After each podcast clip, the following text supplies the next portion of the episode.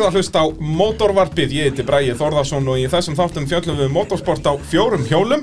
Og uh, já, núna svona þegar að sumarið er gengið í garð, motorsport sumarið er byrjað að þá uh, ætla ég að vera með svona smá breytingar á, á motorvarpinu. Uh, fara að hætta kannski að, að tala við gömlu kempurnar eða, eða svona þessa keppendur sem var að keppa í, í gamla daga eða fyrir nokkrum árum síðan.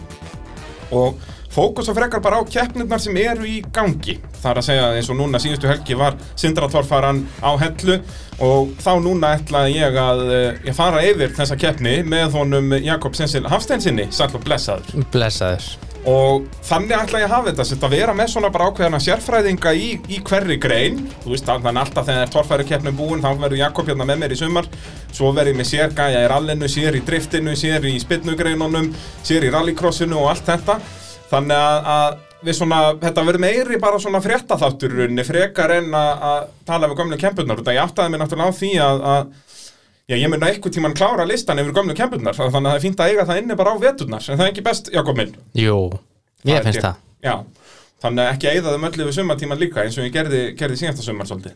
Já, það er, það nóg um veturinn er langur þannig að það er fínt að hafa eitthvað að gera þá.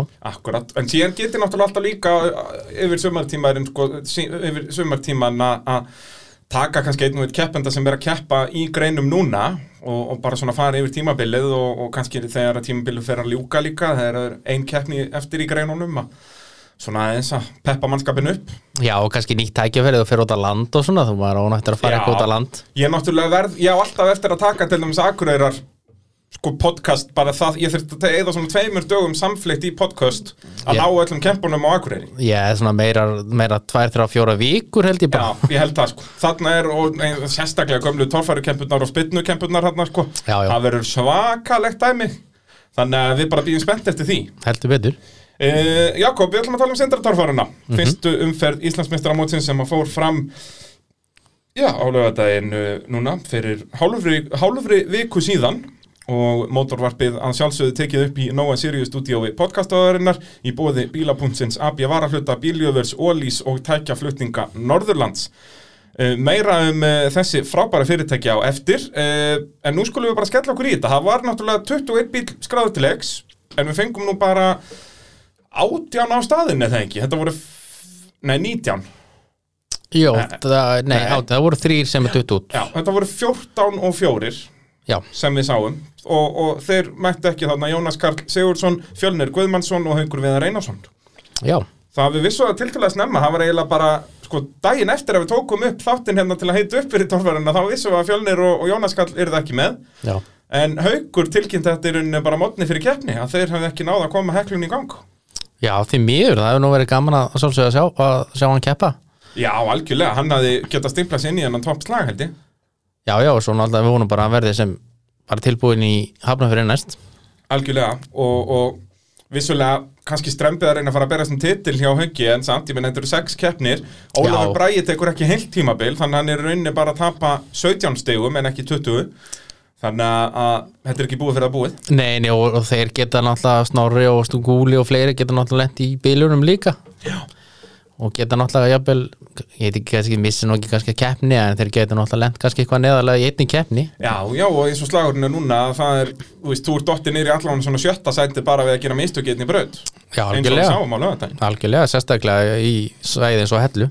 Já, nákvæmlega. Og, og við ætlum að fara yfir þetta þannig bara að við förum yfir þetta bara braut fyrir braut. Já, Ekki, ég held að það sé nefnilega sko, skemmtilega að gera þannig, frekar en að fara bara yfir keppenda listan og sjá veist, hvernig hann var að standa sig í hverju braut heldur bara að gera þetta þannig að- fara braut fyrir braut. Og þá byrjum við bara í, í göttubílaflóknum, þar voru fjóru bílar skráður til leiks. Og fyrsta brautin hafa nú ekki mikið um, um dýrðir þar, þar fengu þeir bara allir 230 stygg fyrir utan Hauk Birgis sem að fór þarna svona einni bílbrett svona dekkjabreitinni lengra og fekk það 240 já, brautin var samt sem áður bara nokkuð góð. Þeir hefðu kannski getað fengið smá meira tillöp eða að þeir hafa ekki farið kannski rétt í þetta, ég veit það ekki. En, þeir, en þetta loka bara held ég að nú verið alveg þokkalega fært Já, þú varst náttúrulega með þeim í já. og þú veist eins og ég var hérna bara á föstudagskvöldinu og mér síndist þetta að vera fært en, en bara ef þú næður að fara svolítið vinstra megin í þá það var þér henni brattara því meira til hægri sem þú fórst. Já, tillöpi var náttúrulega sem ekkert eitthvað rosalegt þannig að þeir komið hann nýður þannig að það var kannski erfitt að, ná okkur tillöpi. Nema þá svo náttúrulega svo fennur kannski frekar hægra megin heldur en og þegar þetta er bratt niður líka já líka nátt ef þú ætlar hann á tilhaupið þarna að þá er þetta sérst á verður að vera í smá vinstri beigju og ef þú ætlar hann á tilhaupið að þá ferðu automatist til hægri Já. bara út af frákastinu. Þannig að þeir hefðu þurft að reyna að fara eitthvað meira til vinstri þegar þeir voru að koma niður af barðinu. En já, bara full strempið og, og eins og ég segja, enginn náði þarna upp í 250 stegar hliðið að, að þessu sinni.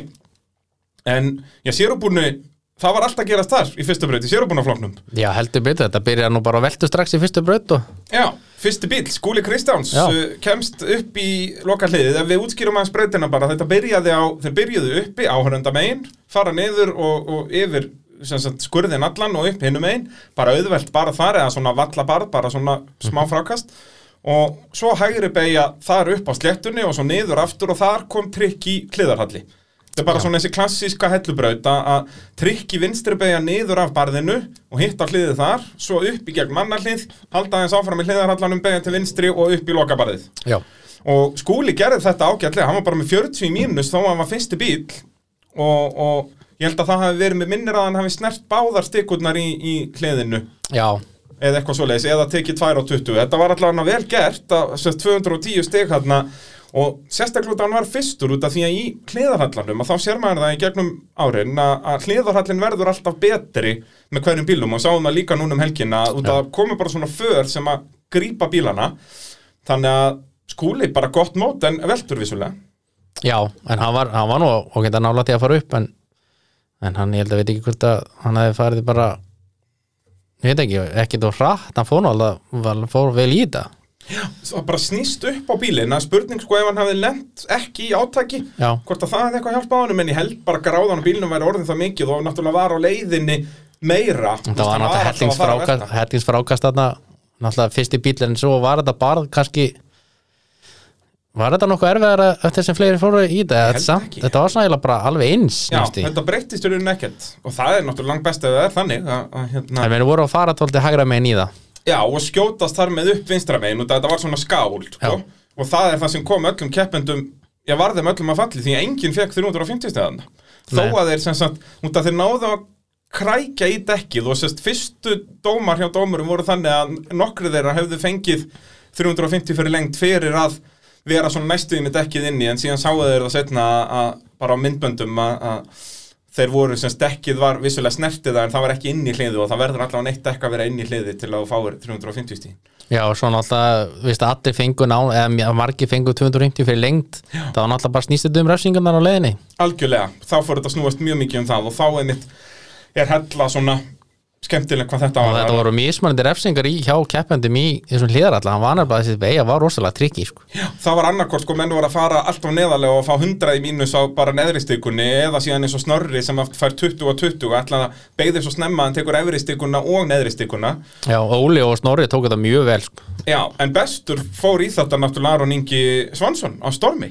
Já, hann fær bara 20 á neðristykunni annars refsilaus og gerir þetta allt listavel og svo bara festist hann í sandi hann festist ekki einu svona á kviðnum út að þetta Já. var ekki einu svona hótlaðna þetta var orðin dóttir löst í mann þegar þetta guttin fór hann að stuttur setna, hann þurfti bara að gefa vel í þarna til að festast ekki líka sko. Já, algjörlega og Aron lendir í þessu einmitt að, að veist, hann var að gera þetta allt mjög varlega og var að passa sig mjög mikið en þarna bara var hann að fara ofarlega hefði átt að byggja upp hraðan aðeins fyrr út að þarna virtist bílarinn allan að vera í lægi kannski hefði maður séð eitthvað annað í botgjöf út af við sáum hann aldrei almennilegi botgjöf en Aron náttúrulega var í þessum vandræðum og kannski hefði bara klárum að tala um þá feðka núna. Því að Aron ég vissulega veltan hann í annari brautin líka en þá var hann byrjaður að fretta hjá hann bílinn Já, og, og svo sömu, já það var hann náttúrulega sorglegast með Aron það ekki í, í þriðjubrautinni þá Jú, er það, hann fó, komin hann fó bara nánast alla brautina fór upp bar sem ekki margir fóru. Já, út af það var erfiða hindurinn þar já, við kannski tölum um þá á eftir. Ég, Já, fór, ég fór aðeins og var aðeins að fljótur á mér. Við getum talað um Svan núna allavega. Því að hann- er unni mætir aðna bílinn fretar og fretar og svo ég held að hann hafi mætt síðan líka í þriðju brautina en þú veist, hann kláraði keppni með bara einhver 150 stig í síðasta sendi Já, hann fór upp litla, litla brekkun hann í þriðjubraut og svo, svo bara fór hann ekki lengra Já. Ég veit ekki, var þetta ekki einhver uh, bensíndæla eða eitthvað svona sem var að styrja honum Þetta voru bensín vandræð allavega Já. þegar við tókum viðtal við hann hérna eftir, ég held að við höfum nátt tveimur viðtölu við hann eftir fyrstu og þriðju braut og þá voru þeir bara á fulla bílanagrein þetta, hvort þetta væri bensíndælan síjurnar, eitthvað svona og, og já, bara gríðarlega svekkjandi fyrir þá fekka báða og þetta við tölum um þá eftir Aron átti líka eftir að, að falla á leik Já, við vonum bara að Svanur komið bara sterkur í næstu gefni Já, og sumulegis Aron, Aron tekur nú heilt tímabilið ekki? Jú, við vonum það allan og, og eins með Svana Svanur verður að mæta, vera duglegur að taka heilt tímabil, hann er svona, síðust ár hefur hann verið að mæta bara svona einu og eina kemni Já, og svo náttúrulega ef hann er að koma að hinn sem fekk lána hann hinn segin líka ef hann er að fara að koma þá verður hann að keppa við hann. Já, það er þetta rétt. Þá verður hann að þrýr er það ekki frá Hvað Vestmanni hann? Jón, Gísli ekki, Bennisson sem er á hvað, tím Móri Já, Móri mun bílinn heita gerir á fyrir. Uh, Náði ekki að hafa hann tilbúin Ég veit ekki hvort að það var alveg planið að hafa hann tilbúin fyrir hellu En það er allan allt búið að vera fullu þarna. Ég hvet alla til að fara bara á Facebook Tími Móri Út að það eru smíðamyndir. Við elskum þær að sjá smíðamyndir. Já, þeir eru duglegir að senda inn. Já Og líka, þetta er bara öðruvísi bíl, hann er allur svona, það eru svona langar beigjur í öllum rörum og, Það og var ekki eitthvað sérstök, hvað vél var aftur í honum? Var það ekki eitthvað, Jú, það var hérna, býtu, hvað heitir var það ekki bara eitthvað mópar? Jú, mópar stemming eitthvað eitthvað? Já, það er rétt. Og það er náttúrulega snild að fá eitthvað nýtt inn í þetta. Uh, Svona annað til að tala um í fyrstu bröð það er náttúrulega Palli var hérna framælega í rásröð Palli jú, og já, hann bara kút veldi Þetta var alveg svona þetta var þung högg. Það stemdi í tiltræðavölun hjá þangar til að fá framfyrir sig. Ef hann náða að lenda í bort gjöfarna og kert í burtu frá þessu og þá hafði þetta litið vel út framanna fyrir tilþjóðavelunin Já, Held, hafður hversu það sem tilþjóðavelun yfir uh, yngvar á vikingnum sem endaði á að fá þau fyrir þriðubreytina mm, ég hefði bara, bara flippað upp á það bara. Já, ég hugsa að ég hafði valið yngvar samt. Það var svo geggja og hann tekur heilan sem sagt heilt flipp í loftinu. Veltibúri snertir aldrei jörðina og svo lendir hann bara geðvett klín á hjólunum og ekki einu sinni í gjöfu eða neitt, hann bara lendir Nei, nei, bara, bara Og svo keyrir perfect burtu. fimmleika lending. Já, bara það vantaði bara hendurnar út hérna.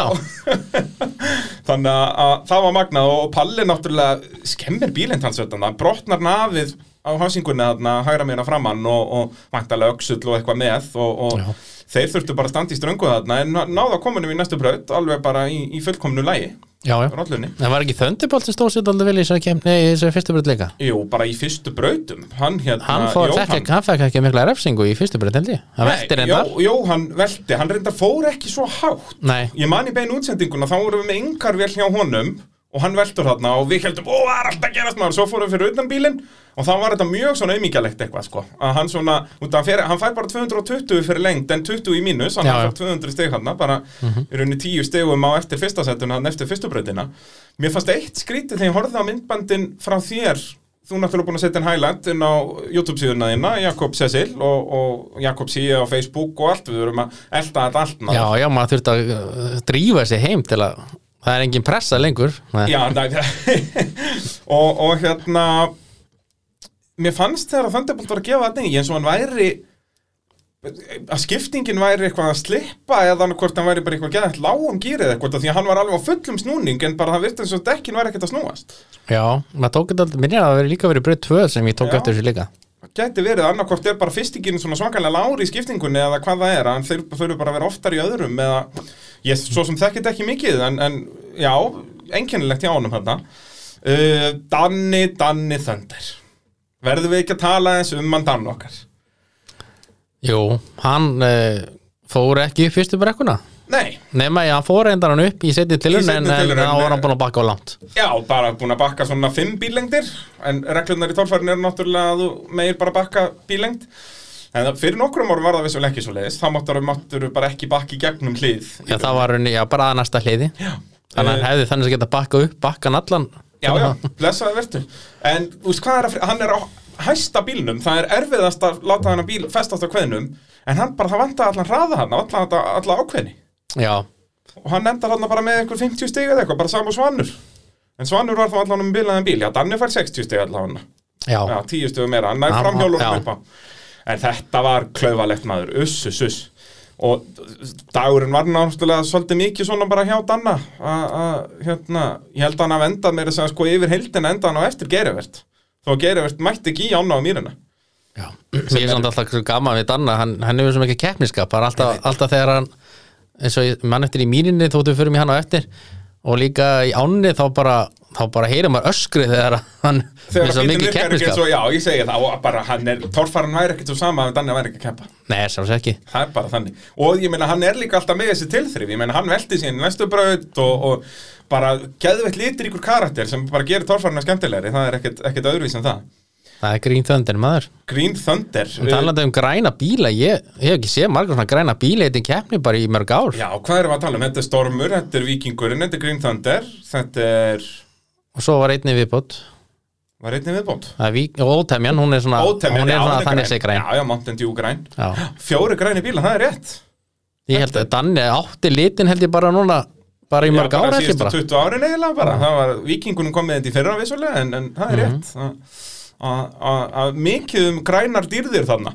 Uh, Aron, náttúrulega vorum að tala um hann áðan gríðarlega svekkjandi með hann. Uh, Mér langar aðeins að tala um Guðmund Eliasson, hann er fyrstu brautinni.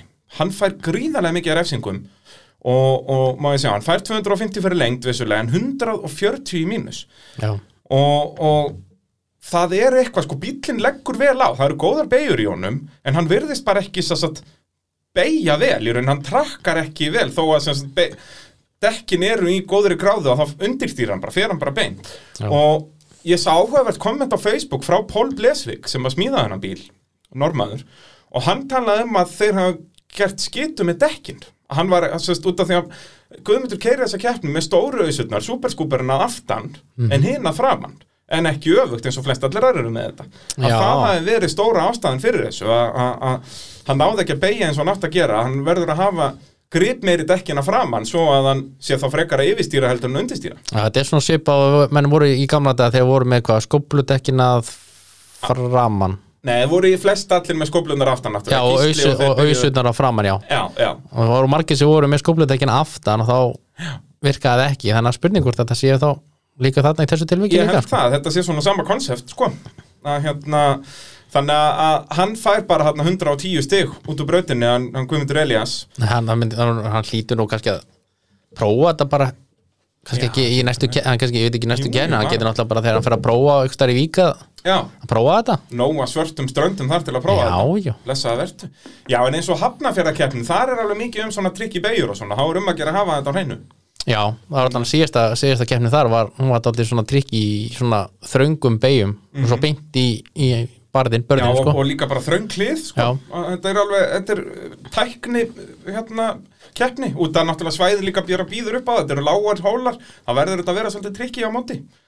Uh, Þórður Atli Guðnýjarsson Hann heldur betur stimplaði þess inn. Fyrsta brekkan hann sem að Danni komst ekki upp Hann svoleiðis flýgur þarna upp til að ná náttúrulega góðri plakkatsmynd strax. Já, Við já. töluðum um þetta, sko, að þetta er líkilatriði fyrir nýleðana Hann hefur hlustað á okkur allan Já, 100%, 100% og hann flýgur þarna, lendir á afturendanum og springur, sprengir vinstra afturdekk strax.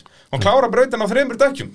Já, hann uh, hittir reyndar ekki, þetta var nú góð tilur hjá hann í mendali hann Já. hittir reyndar, hann skýst hann strax til vinstri. Já, já, og fær hann 250 stig sem var bara besta skórsens fyrir lengdina en vissulega með 80 refsingu var svolítið duglegur á stikunum hann í hliðarhallanum. Já, hann alltaf sprungið þá kannski, Já, kannski já. er verið að beigja og nákvæmlega, sko. En hann fór nú að venjast í síðan bara með deginum hann kláraði nú flest allar brautir á þreymur dekkjum Já, já, orðin, orðin vanur þessu. Maður held bara að Ingo var um borð. Já, nákvæmlega, og það er akkurat stemmingin sem hann fekk, að þarna væri bara Ingo mættur aftur, eða þú veist, mér fannst Þórður einhvern veginn bara haga sér þannig eins og hann væri búinn að keppa í torfæru bara í tíu ár. Já, algjörlega, hann bara, hann kom með mér og mjög óvart sko Hann var einhvern veginn að gera allt rétt, hann var rólegur þegar hann þurfti að vera rólegur og svo fór hann alveg eins og snældu vitlis maður í börðin sjálf, bara, og síðan náttúrulega koma þessi fínu atriði inn, en, en með þessi basic atriði rétt, það Já, já. þetta lofar góðu. Voru gullitaður og læti maður, held að þetta væri kórdrengurinn maður. Já, sko, sem betur fer er hann alveg aðeins öðruvísi. Þó að þetta er svona svipu yfirbygging að þá er hann aðeins breyðari, veltibúri, hallar aðeins meira og svona, en það er rétt, maður var alveg að rugglast á þessu. Útlendingan er, bandrækjuminn er sérst, þeir eru eftir að rugglast þeir halda að þetta sé snorri. Snorri the choir boy! Og svo náttúrulega var þetta orðið mjög ingólegt þarna eftir, eftir aðra brautin og þá vantaði aftur, aftur, aftur stæðun á hann. Já, já, þá var hann búin að, hann alltaf velti þarna. Já, í, í annari og, og þá er mitt sko Ingo kláraði hann og flest allar keppnir ekki með neitt afturenda á bílnum þannig að þetta var allt, í, allt eins og átt að vera. Það er rátt að segja það. Uh, svo verðum við sérst að tala um hvernig hliðarhallin varð hvernig þetta keirðist til. Hliðarhallin var alltaf svona auðveldar og auðveldari og, og ökuminn eins og Jóhann Gunnlaugsson nýtti sér það á nefa, hann fær bara 20 í refsingu eins og Aron þarna, bara virkilega vel gert hjá honum og fær því reyndar hann já, bara 220 fyrir lengt en, en 200 steg over all og þá er staðan sérst eftir fyrstu breytt var það þannig að Skúli Kristjáns var eftir með 210 Ásmundur Ingjalds eh, jafnónum með 210 svo kemur Jóhann með 200 og svo komur þrýr jafnir hérna í fjórðasetti Snorri Ólafur Bræi og Páll Jóns með 190 steg Já, þeir voru hvað þrý sem fóru þannig sem upp snertur rétt svo snertur dekkið Já, þeir þeir, voru ekki nógu mikið inni. Það er Guðmundur Snorri og Ási sem að ná Já. næst í dekkið. Já, og mér fannst nú Ási samt alveg eiginlega vera með dekkið inni þeir hafa greinlega dæmt þetta þannig að hann er ekki alveg náða að sleppa en Já. Ási var svona næstur því að, að ná Já. þessu og náttúrulega í beinu útsendinguna þá syndum við fyrstu stígin og þá voru þessi þrýr með 350 fyrir lengt en svo var það tekið tilbaka þarna Já eftir, í braut 2 þá, þá hérna skoðu þeir þetta og þá var þetta tekið út og komið þér bara til þín að skoða þetta eða? Já. Eða fóruð þér í beinu útsendinguna eða það var þú bara Já. alltaf verið að bögga þig Já, já, þá hvort er að koma smá hlýja Nei, það var eftir þriðju braut. Já, það ekki, ég hlénu það Já, að, þegar þá fór ég að labba tíma á brautinni. Og það var líka nægur tími til að renna bara yfir þetta. Já, já, ljúfa lífið, þetta er ekki vandamál. Uh, Mótorvarpið í bóði AB varahluta af sjálfsögðu. Og AB varahlutir voru nú náttúrulega styrkja vinningsbílinn á hellu 2021, Ólaður Bræi mertur AB varahlutum í bak og fyrir. Þannig að þetta er, já eins og við vitum hlustandi góðir afbræðs fyrirtæki sem að er að styrkja motorsportið heldur betur bæði keppnisalt uh, svo vittlisinga eins og mig og, og, og keppendur sjálfa. Þannig að já, ef, þið ætla að fara að vesla varahluti farið í AB varahluti í Reykjavík Akureyri, Reykjanesbæ, Egilstöðu með á Selfossi. Og þeir eru til dæmis með þessi Eðal, Borg og Beck varahluti sem sagt, já, bremsu varahluti og kúplingar og, og, meira og meira. Sem það er nú bara hæsti standard á því þannig að um að gera. Kíkja í AB varahluti og þá er komið, komið tími á fyrir okkur Jakob að ræða hápunta og lápunta þessara keppni. Og þetta náttúrulega getur verið mjög breytt sko, þú veist, eins og hápuntur við vorum aðeins að tala um þetta hérna áður við fórum í loftið. Hápuntur geti bara verið það að við náðum að halda keppni. Já, algjörlega. Bara það er eitthvað annað enn í fyrra til dæmis. Að, að með öllu þessu COVID að ná að halda áhörvenda lausa keppni á hellu er, er magnað. Já, líka sko, það voru þannig séð að þarna var hvað 20 manns samankomnir en ég held að þess að gildi annað í íþróttavirburði mm -hmm. En bara að ná að halda þessa keppni á þessum tíma er magnað sko. Já, heldur betur. Og stóðu sér allir bara mjög vel í öllu skipulegi og, og svona. Þetta bara, það er nei, ekkert neikvægt að þetta setja út á keppnisaldið. Nei, nei, veist, og þeir voru að passa upp á sóttvarnir og, og bara stóðu sér bara frábælega vel í öllu. Heldur betur. Uh, Lágpuntur Sko lágpuntur hjá mér myndi ég að segja að væri í rauninni göttubílaflokkunum, hvernig hann þróaðist eins og við höfum eftir að tala um hérna í þættunum að þeir voru þarna fjórir, sem er náttúrulega ekki nóg. Göttubílaflokkunum, þetta þyrfti að fara færast í að vera alltaf svona, sko 6 til 8 bílar allavegna þá gæti verið alvöru slagur út af því að vandamáli við hafa bara fjóra bíla er að vissulega geta þeir verið að bítast og berast alla keppnina en ef að það gerist eins og núna um helgina tveir þeirra detta út að þá er þetta bara búið spil. Og Stengrum Bjarnason var búinn að vinna keppnina áður en hann kemur í mýrina. Já, og við sáum þetta líka í fyrra þá var allir með voru bara þrýr á Akureyri til með fyrra þá var bara steini eftir við Já, og ágúst akkurat en það vantar náttúrulega þessu orri er að koma inn Já. og svo náttúrulega Og er, í gamli bílunum Zorra líka Já, eða ekki? og svo veit ég ekki hver, hvernig staðan er á Kölska Nei, hann, Hver er með Pál, hann? Pálmi verður Já. að rífa sig í gang þar Förum Íslandsmeistari rally. Já, og þá eru við, ef þessi fjóra mæta þá eru við komið sjö bíla, þá getum við að vera að tala um dólið góða keppni. Þá erum við farin að dansa. Já, Það er bara svoleiðis. Og þá getur líka verið svona, getur að skipt máli að, að þá er þetta ekki bara að þetta mæta þá ertu orðin Íslandsmeistari. Já. Þá er þetta orðið þannig að þú veist Ef að eitthvað bílar og eitthvað þá ertu dottin í áttundasetti en ekki bara fjórðasetti. Já, Og þá hérna, Lápuntur annar náttúrulega maður talar bara um keppendur og þá náttúrulega mýrin hjá Snorra verður að vera ofalega þar. Já, í, í hvað var það lápunta, þetta var bara þetta var náttúrulega bara, var þetta ekki bara, bara óhefni að svona gerist? Jú, þú veist, ég ger ráð fyrir, ég veit nú hef nú ekki heyrt í Snorra hvað nákvæmlega bilaði en ég gíska á að Reymin hafi dottið af Já. vökkastýrstælunni bara í drullunni og viðbjónum að það er ekkit ósennilegt. Og hann sérst verður í, í, í mýrinni uh, og hápuntur sömu leiðis náttúrulega bara Ólafur Bræi og, og Steini Bjarna. Þú veist, Steini Bjarnar vann náttúrulega helluna hann var stiga hesti keppandinn af öllum. Er þetta ekki fyrsti sigur hjá Steina á hellu? Er það ekki rétt? Nei, hann vann 91 Vann hann 91, ok. En þetta er fyrsti sigurinn í þarna 30 ár. Og, og er, þetta var fyrsta skipti sem hann fer í mýrina eða hvað? Já, huruglega, ég veit nú ekki hérna í gamla daga. Það geti verið hann að náði þá einhver tíman Nei, En já. svona á síðustu árum mann Ég man eftir allan, ég man allan ekki eftir því síðust ár sko. Að Það er góðu punktur og eins og við segi, fyrsti sigur að helli í 30 ári menn hann lítur að vera sátt með það, það er ekki nokkuð spurning. Já, svo líka náttúrulega bara eins og fyrsti sigur í Ólafbraga núna í, í mörg Í ár. Alveg. Við vorum að reyna að rifja þetta upp hérna áður en við fórum í loftið að er þetta ekki bara fyrsti sigur hans í Íslandsmóti bara síðan 2012 eða 13 Já, sko, ef að fyrir nest á Akureyri var hlut af Íslandsmóti þá var það Já, þá. 14, já En ég, mér minnir það samt, var þetta ekki bara En fyrir samt nest? eins og sek- Nei, Snorri vinnur allt 16, það er rétt. Já, Já, þetta er góða punktur. Þetta er allavega þarna, þú veist Já, það eru komin mörg ár síðan Óli Bræði vann torfæri og var aftan þetta svo sannarlega skilið. Já, Magnaður, ökkumaður og alltaf að venja spilinu meir og meir.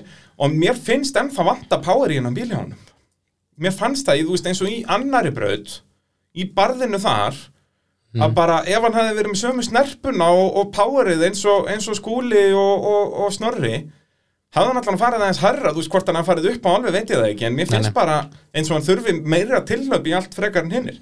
Já Hann, alltaf, hann er alltaf sterkur eins og hann var sterkur sittir hlutan, hann alltaf gerði, gerði, gerði rauninni sem við vorum að tala um að margir hafa gert að taka síðustu þrjá brautina og vinna bara. Já. Veist, hann var, náði hvað öðrum besta tímalit í tímabrautinu og þetta Já, hann var með bara annan besta á eftir snorra í báðum tímabrautum. Og svo fá, kláraði hann ána og kláraði mýrina. Já. en hann kláraði náttúrulega ekki neitt í fyrstu jú, hann kláraði náttúrulega þriði brautin reyndar, jú. Já. en jú, hann hefði nú getað komist upp í brautum og tvö. Já, eitthvað svo leis hérna, Þannig þetta eru svona okkar hápuntar og lágpuntar Minn persónulegi hápuntur verður að vera beina útsendingin. Ég er bara að þakka öllum sem að keiftu miða. Þetta var svona okkar tilraun eh, Ég í, í samstarfi við Skjáskot og flugbjörkuna sveitina á Hellu. Náðum að halda þetta. Vissulega voru við í bastli Þetta miðakerfi er alltaf flókið. Við þurfum að gera það mikið mikið auðveldara fyrir næstu keppni Ef það verður næstu keppni. Planið er hjá okkur að vera bara allt tímabilið helst. Og erum við strax byrjað að setja okkur í samband við klúbana sem munu halda næstu keppnir. Og hérna Sama hvort að verði áhórendur eða ekki Þá bara hægt að kaupa kaupa bæði eða þá að þetta fylgir bara saman, þú veist, það er einn pæling að mér þetta er bara, þú kaupir bara miða á torfæruna og inn í því er miða á svæðið og miða á streyminu og þú bara ræður hvað þú notar. Eða bæði, erum upp í brekkunni og með streymið er, Já, og kannski líka bara horfa á þetta dag- daginn eftir eða eitthvað. alls konar svoleiðis. Þetta, þetta, stórt, þetta bara var mjög gott heyrði ég, þannig að það er bara frábært. Alveg sko lofin sem ég fengi núna síðustu daga bara þúsund þakkir, já, öll ykkar sem að höfðu gaman að og, og ég var alveg í skíjónu með þetta sjálfur, við vorum vissulega í mikið af vandræðum svona bak við tjöldin sem að kannski ekkert allir vissu af. En miða við það að ná að láta þetta líta svona út í fyrstu tilraun er bara magnað og þetta á bara eftir að vera flottara og flottara. Bæði, við þurfum að bæta aðeins svona klippivinnuna hjá okkur að, með replayin og þetta dót og sömu leiðis með að- kameru staðsetningar og náttúrulega grafík, það við höfum eiginlega enga grafík að þessu sinni en, en hérna um leið og þessir hlutir fara að hérna, þá erum við að dansa sko. Það er bara svo leiðis og vonandi er þetta bara það sem koma skal. Það er alltaf, alltaf gott ég að, tók nú smá þátt í þessu en ég var síðan, þessi hann fekk ég bara að vera laus já, orginal planið var að húka þér upp bara að þú væri með svona sendi á þinni myndavél og bara batteri pakka og drastlu aftan í bakboka og svo leiðis en svo það er sérst einn af þessum stóru hlutum sem klikkuði hjá okkur er að við náðum ekki að hafa þessa þráðlösu vélar eins og við vildum. Þannig við þurftum að hafa þig bara tengdan í snúru og það er náttúrulega djúið að spila vesen og, og hérna, þannig að við enduðum á að sleppa þér bara þetta var eins og að sleppa hundi úr rólinni sinni Já, nú skil ég hvernig þeim líður sko. Já, það er ekki að vera bara Já, ég get farið það sem ég vil Ég var bara, ég gætt hlaupið um allt maður. Já, nákvæmlega. Þannig að- við lefðum Jakobi bara að gera það sem hann á að gera og það var náttúrulega alltaf dýtlin að við myndum aldrei fara að trubla þig sko. þetta var farið að verða helviti trublandi þarna þannig að við höfðum bara kameru hliðin á þér yfirleitt. Þannig að væri, við værum ennþá á góðum stað og náttúrulega síðan Bubbi og, og Elva þarna út um, út um kvipin og kvapin út af Elva var síðan líka farið að taka bara myndir af torfærinni sjálfri, hún var ekkert bara með í viðtólunum þannig Já. að þetta var bara var, einmitt- hjálpin. hún var með rétt hjá mér í ánni og, og það bara kom virkilega vel út sko. og viðtölin er alltaf skemmtilega og, Já, það var dásamlegt, sérstaklega eins og við hátegislefnu þegar við bara höfðum bara fítið á þeim, þau voru bara labbað um pitt bara, bara milli tjálta og voru að náðu yttali við flest allar keppendur þarna. Já, menn voru að gera klárir í ána og setja rúður og... Sko, gera við skiptingar og, og, og stýrisenda og ég veit ekki hvað og hvað þannig að þetta var eintóm hamingja. Þúsund þakkir allir sem að eh, komu að þessari útsendingu og, og vonandi höldum við þessu bara áfram. En uh, Jakob, við erum komin í braut nummer 2, við erum bara blæðir í hálftíma og við erum bara komin í aðra braut, þurfum að rífa okkur upp. Uh, byrjum á göttubílunum og já, þarna fórum við að draga til tíðinda. Heldur betur. Uh, Óskar Jónsson á Úlfinum hann er eini sem klárar. Já, en Hann er- hann er líka að eini sem þetta séðan út þarna. Já, bara hann orðaði það í viðtali við okkur allavega að sjálfskiptingin hafa sennilega brotnað bara þarna við að fara í gegnum endamarkið. Og hann reyndar er eitthvað að þennja hann þarna út úr og ennþá með drif á ykkurum hjólum allavega, flest öllum síndist mér. En greinilega hann fann fyrir ykkur að þau koma síðan að því að sjálfskiptingin er rauninni, hún er bara brotin í tvent í rauninni bara keisið utan sjálfskiptinguna er bara, bara risastór sprunga í því öllu. Og þeir voru sérst varaskiptingin þeirra var heim í skúr í bútum í rauninni, þeir voru eitthvað að græja hana til þannig þeir voru ekki með varaskiptinguna með sér. Þannig að Óskar var frá að hverfa gríðarlega svekkjandi. Já, það er nefnilega hefði verið rosalega gaman að sjá hann vera áfram því að hann hefur náttúrulega barist eitthvað þú veist, einið er ekkert fengið að gefist á sko. Nei, nákvæmlega, Palli náttúrulega var með mikið aflminni mótor. Þú veist, þannig að hann gat aldrei almennilega verið í þessum slag. Og náttúrulega bara fyrsta keppna síðan 2010 þannig að hann var líka alveg svolítið reyðgæðar sjálfur. Og, og, en hann á, ef þeir ná að kýtla aðeins hennan mótor og gera og græja þá geta hann verið skæður í sumar. Heldur betur, hann náttúrulega kann alveg að gera þannig að hann, Já, já Þó hann, hann reyndar, talandi um aðra brautina, þá síndi hann eitthvað annað þar. Já, hann var, sko Steini var næstu því færin á hliðina. Þetta er rauninni bara svipa á fyrstu breið, fóru upp á og koma svo niður já. og Steini gaf í hann að réttin tíma Því líkur meistara akstur hjá Steina. Hann fær bara þarna 40 refsingu í þessari braut Fer vissulega ekki upp, bara 250 fyrir lengt hann var svo, hann, já, þegar ég sá þetta ég bara, farðu upp please. Þetta var svo, svo nálætt þessu. Já, og líka líka, sko, þegar maður sá þetta þarna frá hlið eins og útsendingunni okkur og frá þínu sjónarhóðni að þá var sko, þetta framhásingin er alveg svona að klóra sig, hún er á hreyfingu sko, bara þetta var svona eins og í Cars hérna þegar hann er að hoppa yfir endalínuna, þetta leit þannig út og ó, hvað það var svekkjandi hann tók smá kipp sem hann var eins og hann var að leiðin upp Já. og síðan svo festist hann og, festist og hann það aftur var svo þetta. nálætt þessu maður. En hann fær hann 210 stig sem er meira heldur en Óskar, þá Óskar fáið sko 100 stigum meira fyrir lengdina. Og Já, Óskar var svo guðlegur á Já, stigum hann fekk náttúrulega hundra eða ekki mínus fyrir eitt liðið og í, fyrir þetta trikki hlið þarna sem að síðan Haukur Birgisson fór út úr brauta og hann fer bara fyrir neðan hliðið. Já, hann, hann hittir ekki á hliðið. Hann var dæmt út úr bröndið hann fær- bakkaði inn á jafnslettuna líklega. Já, hann bakkar og bakkar of langt og, og eitthvað, þá hann held vissulega eitthvað aðeins áfram en hann fær samt bara 140 refsilaust fyrir brautinu, þannig hann er komin út úr braut, er komin fram hjá hliðinu þegar hann byrjar að bakka. en Palli hefði nú getað, hann var nú eða hann hefði nú gefið getað bjargað sér en það var kannski á seint. Já, ég hugsa á þessum bílum þegar þingdapunkturinn er svona Já. hár að þá er þetta, og þó að hann hafði náð að bremsa sig,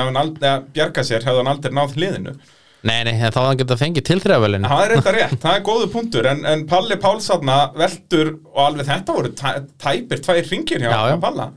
Ól Sigur Kallir. svo komu eitthvað smá veldur og Já, þetta var líf og fjör. já, já, Ha, eins og ég segi, þetta var bara, og við förum kannski aðeins yfir það í lok þáttar, bara hversu störðlega þessi keppni var. mm Þetta var bara, já, það var allt að gerast það var alltaf gerast. Uh, staðan í göttubílaflokknum þá eftir þessar fyrstu tvær brautir var þannig að Stengurumur var í fyrsta setu með 440 Óskar var ennþá annar en vissulega var dottin út var með 410 stig hann bara 30 stigum eftir Stengurumi sem er eins og þú varst að segja hann hafði alveg haft, sett pressun á hann restina deginum.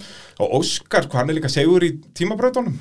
Hann hafði alveg geta, þetta, hafði, þetta var gríðarlega svekkjandi að missa hann út Haukur Birgis með 380 þannig að hann er hann 60 stegum á eftir Stengrimi og Palli eh, orðið 90 stegum á eftir í, í fjóraða og síðasta sendi.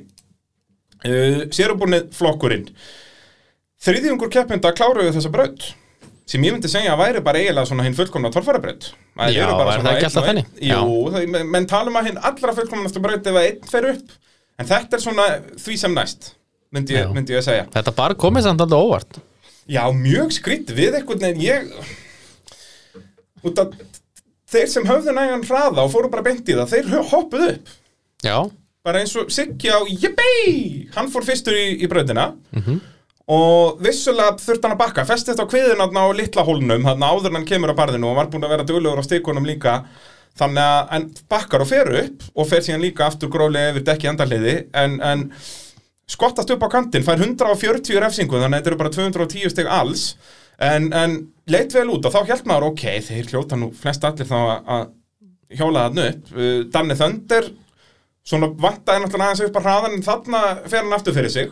En Já. það var hann komið yngarvílan okkar sko í beinu útsendingunni. Já, já, var, það var nú bara stór hættilegt að fá þess að vel í bílinn. Já, það er ég held að bara í torfærubrautunum held ég að Palli Rolla hafi verið eini sem er náða að velta ekki með yngarvílina Já, það hann, þriðibraut eitthvað svoleiðis. En þá samt vorum við komni með eina veltu í þriðubrautunum og Haukur Birgis var búin að velta með hana. Já, og svo náttúrulega í tímabrautunum að þá voru engar veltur sko en, þetta er svolítið svona eins og þegar ég seti nú GoPro-vila í bílina eins og ég setti ég hugsaði á Akureyri fyrra já, kann ekki setja í bílinn í- bombuna núna. Já. svo náttúrulega tekur hann bara þrjár veltur og svo dóra veltu og, Jep, og allir pakkinn þetta er sko. allt þér að kenna. Þetta er þessar yngarvílar, þeir einhvern veginn hólkast upp við að fá þetta Já, já, svo gleyma þeim alltaf og, og þá öskraði líka allir það er alltaf skemmtilegast. Það er, já, það er það, að horfa á bílinn á milli brauta þegar þeir eru allir snældu vitlusir alna uh, Svo var Páll Jónsson, hann var fyrstur til að reyna þetta sem við sáum síðan í lokbrautar fara svona fram hjá barðinu. Hann ætlaði að vera lúnskurarna, hann var greinilega Ég held að hann ætlaði samt að reyna að fara hann bara skýst til hægri. Já, og svo reynir hann bara að snúa sér er, til vinstri. Já, og bara sem að gengur ekki neitt og þetta var nú einhver klaufalegast að velta sem ég nokkuð tíma séð Já, hann, svo reyndi hann að bjarga sér náttúrulega. Hann, Já. hann er kannski að reyna að ná til þrefurunum Ég bara held að hann sé með það svona er bara, heyrðu. Ég ætla að reyna að velta en samt bjarga með Já, sér byrja að koma mér í vonlesa stöðu og reyna að redda því. Það er það sem Palli er er, er að spá þarna. Við erum búin að sjá í gegnum þetta. Já, það er, við erum eh, algjörlega. Og Palli Já, þannig að hann var ekki, ekki með mörg stig þarna við sjá, hann er með 240 mínus 60, 180 sem er svo sem ekkert allslæmt en svo náttúrulega voru fleiri þarna sem að luku við brautina uh, Aron, þarna fyrir við fyrst að heyra þetta vesen, mér skildist á honum að þetta á eitthvað verið nýdrótengt að hann sem sagt gefur allt í botn og bílinn fréttar en samt alveg ágætis power. Nógu mikið power til hann velti þarna. Já, hann, hann var, var hann var með ágætt stefnu svo sem á þetta hann vantar kannski bara kraftinn. Já, hann fer svolítið vinstra megin í þetta, ekki? Hann fer svolítið nýja leiðir hann og, og þá virtist líka að koma sérst bílinn reisti sig aðeins of hátt upp Við sko. sáum það líka hjá Þórði sko. Hann alltaf gerir svipa, hann fór með skustan það Já, upp bara. Og þá er mitt sko, þetta hann fer hann að vinstra megin að þá er hann komin yfir 90 gráðurnar sko, endar á afturendanum og veltur þannig.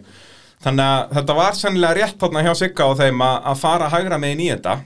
Já, Siggi var alltaf að vara að stefna á, á bílalindskilti líka sko. Já, hann tók það niður bara strax með það Já. sama. Þetta var náttúrulega bílalindar brautin hann og, og hann rústaði skiltinu bara strax sem fyrsti bíl Já, já, svo settur þetta bara eitthvað til hliðar sindið sem er. Já, þeir settu þetta bara í brekkuna sjálfa þannig að þetta slapp svona til hann En uh, Snorri Þór á kortringnum, hann flög hann upp 350 uh, mínus 100 Já, hann, hann reynir fyrst og svo, svo næra það ekki hann bakkar í rauninni. Eða svona bakkar og ekki bakkar en hann fer allan aðeins neðar og, og svo skýst hann upp. Akkurat. En Óli Bræi, hann fer ekki upp. Hann er með 230 mínus 40 þarna. Nei, þetta er kannski svo vorum að tala um að kannski vanta þessa snerpu. Já að, eða já, verður kannski bara hraðan fyrir eitthvað, ég veit það ekki. Ég, nei, mér, fann, mér fannst hann nefnilega sagt, alveg gefi í á réttum tíma en, en hérna bara hafði ekki párið, ég veit ekki hvort þetta sé rétt hjá mér sko. En Nei, hann var nefnilega búin að keira þetta alveg 100% þarna. Þessi 40 refsisti eru bara bakki, hann reyndi aftur mannstu, Já, alveg rétt, já, alveg eins og auðli sko. Já. og ég kallaði þetta í útsendingunni ég mann sko bara, ekki reyna aftur, ekki reyna aftur og það reynda hann aftur og þú veist, að þá var hann með verra til þetta enn í fyrstu aðterinu þannig að hann var aldrei að fara að upp. Og enda líka hvernig hann spólaði í burtu fór bröti en hann var snældu vitlis út í sjálfan sig sko. Já, hann bara hann- mökkaði burtu og þarna bara alveg brjálaður. Það var keppniskapi, það hafa keppniskapi þessi keppindur, maður, það er bara, það er bara skemmtilegt, sko. Já, nákvæmlega og það er nú kannski líka líkill að velgengni. Við sáum það í lokkeppnu að hann var alveg bregði sem stóð uppi með gullið. Þannig Já, já. að- að keppniskap er ánefa stór þáttur í þessu. Uh, Geirivert, hann datt í sama auðlagangin og pallið þarna. Já, já, hann fór hérna framfyrir sig og Já, framfyrir, hann fór kannski meira framfyrir sig. Já. og Geirivert, við þurfum nú að tala um hann. Hann var mættur á nýju sleggjunni Ég veist það skemmtilega við að sko með hennar mótor sem var með að hann vissi að hann, hann þurfti hraða hann bara gaf í bara þegar bara náttúrulega lunga áður en hann var ekkert að máta neitt hann bara gaf í Já, já, og eins og þú segir, hann áttaði þess alveg á því hvað hann var með í höndunum og þurfti bara að spila á það að, að gefa í eins snemma og mögulega hægt er og, og þess að náttúrulega komst hann ekki upp í fyrstu breytinu þannig hann hafði bara ekki aflið. En hann reyndi svona þannig Já, algjörlega og gaf inn mig, langt á undan öllum öðrum en, en bara vantaði upp á powerið og, og það var svo sem líka að háanum eins og í fyrstu breytinu og annari breytinu að undan vissi að hann þurfti að halda ferði gegnum þetta. Þetta er mjög svipað eins og hann var bara með turbóið í gömlusleggjunni að keira tímabröndina Já, og hann var bara að drífa sig í gegnum þetta allt saman en fyrir viki fengum við fullt af veldum og skemmtilegðum Já, er komið, hér, nú komið velta númer 32 Nákvæmlega 32 og hann byrjaði að keppa 2015 Þetta er, þetta er magnaður árangur hjá okkar manni Geirivert en bílinn lítur vel út. Heldur betur, ég komur óvart. Lár og flottur, við náttúrulega sáum kannski afturförunin ekkert eitthvað verið að vinna eitthvað sérstaklega en hann leita ekki illa út. Nei, svo tímabröndin var, sem við kannski tölum betur á eftir en hann, keirði mjög vel sko. Já. hann gaf bara í, hann var bara stökkan að það fram af. Svín virkaði alveg. Og bara virkaði, bara virkilega flott og það verður gaman að sjá hann þegar hann kom með sína vel Já, og já, algjörlega þá á hann fullan rétt á að vera þarna toppslagnum út að þú veist eins og meira sem tímabröndin það var ekkert að frétta þarna aflslega séð en hann var samt með held ég þriðja eða fjórða besta tíma Já, og bara hann gaf í bara Þannig að Geirivert, hann verður, það verður áhugavert að fylgjast með honum núna í það sem e- eftir er tímabils. Eina svona svekkjandi með hann er að, að hann náði ekki stig í Íslandsmóndinu. Hann er í Nei, 11. sæti, hann er bara já, já. fyrsta sæti sem er ekki með stig. Ekki, já, sem er, þú veist, út af þetta sprakk náttúrulega hjá honum eins og tölum um á eftir. Uh, en þú veist, ég hugsa aðal áhugin, eða aðal tilgangurinn í honum var, með að mæti í keppnuna var að reyna að fá nokkur stig, þannig að hann sé allavega komin svona Já, líka bara að board. prófa að sjá hvernig hann virkar kannski sá hann eitthvað sem að, sem að hann getur verið langað að laga sko. Já, en líka það, eins og bæðið að þótt að geirivert og haugur að ekki fengi stig í þessari keppni, þá geta þeir náttúrulega alltaf trublað titils baráttuna til með sem heitir skúla og þeir sem eru efstir sko. að þannig eru komnir ökumenn sem við vitum að e- verða í þessum slag og þá geta þið leikandi mitt eins og segir, farið upp á milli manna Já, og kannski sent skúla eða snorra niður í þimtasæti þess vegna eða eitthvað svoleiðist og þá opnast þetta allt saman sko. Nákvæmlega, þá er það ekki bara, þá erum við ekki að býða eftir mistökum frá þessum toppgæðum, heldur bara þeir verða allir það jafnir eins og segir, þeir koma bara upp á milli Já, þannig að þessi Íslands þetta verður eitthvað sko. líka sex keppnir, ég er svo peppaður að hálfa verið hellingur. Uh, Þorður allir eins og tölum á hann, hann var grimmur þarna og, og bara er að sína allar réttu taktan lendir þó í að velta þarna, fer aðeins skakt í þetta, en, en er grimmur þegar hann þarf að vera grimmur og yfirvegaður þegar hann þarf að vera yfirvegaður. Þannig að ég er bara mjög peppaður að fylgjast með honum það sem eftir er tímabils. Uh, Svo er komið að Jóhanni Gunnlaugs og hann ákveður að vera bara segur þarna og þetta, ég kann virkilega meta þennan akstur hjá honum þó að vissulega þetta var ekki skemmtilegt fyrir áhörundur að sjá þetta en hann fer þarna bara fram hjá barðinu vissi greinilega, þú veist, ég var náttúrulega ekki í brautaskoðin, ég veit ekki hvernig Nei, ég, heyrði, ég heyrði ekki ég fór nú ekki alveg þarna eða, ég var hann í breytarskóri en ég heyrði ekki neitt hvort að, hvort að mætt, hversu langt og mætti fara til hægri? Það var allavega engin borði eða ekkert sprey og neitt þannig að hann bara nýtti sér þetta og fer bara það er rétt bara vinstra dekkin á bílnum sem að er eitthvað í barðinu og svo bara klippir hann framhjá og fer þarna upp á 350 stegum og er það bara komin í góða stöðu eftir þetta, komin upp í annað sætið í keppnin eftir þessa braut því að á eftir honum kemur svo ríkjandi heimsmeistarinn Skúli Kristjáns og, og gerir bara það sama Já, já. og búin að sjá að þetta virki Ég er nú hissa að, að ykkur hafi ekki gert það bara fyrir þegar þegar ég sá þetta í breytarskóri eða þegar ég var að skoða þetta á föstudeginum mm. þá vorum við að tala saman um að gera að þetta gæti enda þannig að menn væri bara að fara framhjá sko.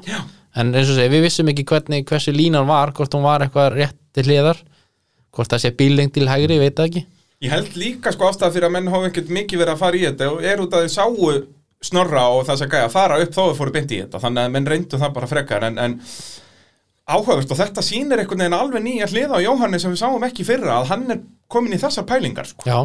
Og það kann ég virkilega metta hann er, er hans fyrsta, fymta keppni í torfærinni og nú er hann byrjað að fara aðra leiðir sko. og, og lofar góðu eins og þarna staðan eftir þess aðra braut hann er í öðru sæti á eftir skúla bara 10 stegum á eftir svo eru þarna 40 stegum milli skúla í þriðasæti sem er ásmundur Ingjalds og svo er það Snorri sem er fjórði Siggi svo talsveit langt á eftir og Ólafur, jafn, Sigga þarna í fimmtasæti með 380 steg þannig að, að þetta var ennþá allt gal opið það er óvænt að segja það eftir þessar tvær brautir uh, mótorvarpið í bóði bíljöfurs á smiðjuvegi 34 ef að þú hlustandi góður eftir einhverjum vandræði með bílinn eða þarft að gera tilbúin fyrir skoðun að þá um að gera að hafa samband við bíljöfur finnur þá bara á já.is eða á Facebook eða öllum þessum stöðum.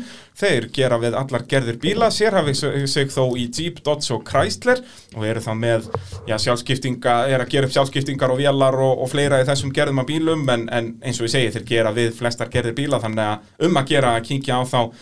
að um að að rally feðka í bíljöfur og þá kom að spurningu dagsins Jakob minn og hún er á þig það er, það er alltaf pressa fyrir mér alltaf á mig þegar er í sko spurningu þó- dagsins sko, sko. þó að þú ert komin núna bara svona sem einhver sérfræðingur hérna sumar tímabili byrjað þá ætla ég samt að halda áfram að vera leiðilegur við þig eini skellurinn við þetta er að ég, ég gæti haft rámt fyrir mér með spurninguna sko. en við sjáum hvað setur Árið 2021 mun Íslandsmótið í torfæru samanstanda af sex umferðum sem allar fara fram á mismunandi stöðum. Hvenær gerist það síðast? Hvernig gerist það síðast? Já, að það voru semst sex mismunandi staðsetningar í Íslandsmótinu í torfæru. Það hlýta þá að vera bara einhvern veginn í, í gamla daga Hvað ert að spá? Hvað, svona- af hverju sko, heldur ég það? Er þetta ekkert búið að vera nýlega eða? Það var verið svona margir kemnir Það eru í, á síðustu sex árum hafa oftar en ekki verið sex keppnir. Já, náttúrulega akkur er alltaf með tvær oft að þá getur það ekki verið sko um, En ég meina gamla, hvað segir að gamla dagar sér? Hvað ár ert að pælja það? Það sko eins og 99 það var náttúrulega fimm, það voru bara fimm keppnir sko Já, já, en allar á mismunandi stað. Já, En, en, svo byrjar í 2000 að vera alltaf bara Jósustöldum allan tíman og, og þannig heldur þú frekar að þetta sé bara svona átni kópsdagarnir? þarna bara Nei, ég var nú að 91, pæla í sko 98-99 því að þá voru alltaf að keppa ykkur 8-10 keppnir Eða 8, 8 til 10 Já. eða svona 8 keppnir uh, Ég er eiginlega bara Þú verður bara að skjóta á eitthvað ár. uh, Við skulum bara segja 2009 bara Það er rámt. Það er 2002. Út af þá kemur hella fyrst inn aftur. Já, þá náttúrulega var Mosó líka og, Já, og Kollafjörð, þú veist, þá, sko, ef við telið upp, þetta er sérst tvær keppnir í Ósastal, Kollafjörður, Blöndós, Mósfellsdalur, tvær keppnir í Stapafelli og Hella. já, já, já. En, eins og ég sagði þið þegar ég byrjaði með spurninguna, þetta getur verið rámt hjá mér, er að ég man ekki, sko, þetta voru átta keppnir, en þetta voru átta sem gildu til heimsbyggarmeistara, en bara sex þeirra Já, já. gildu til Íslandsmeistara. En var samt ekki 2000, sko, 2010 þá var enda sko fyrsta umfyrin í kollaferði svo kom er enda tvær á hellu en ég man ekki hvort það hefði verið báðar Íslandsmót og svo var Egilstaðir að og svo var Blöndós nei, og svo var Stapafell og eitthvað Já, það voru samt bara fimm það Já. mismunandi stafsetningar.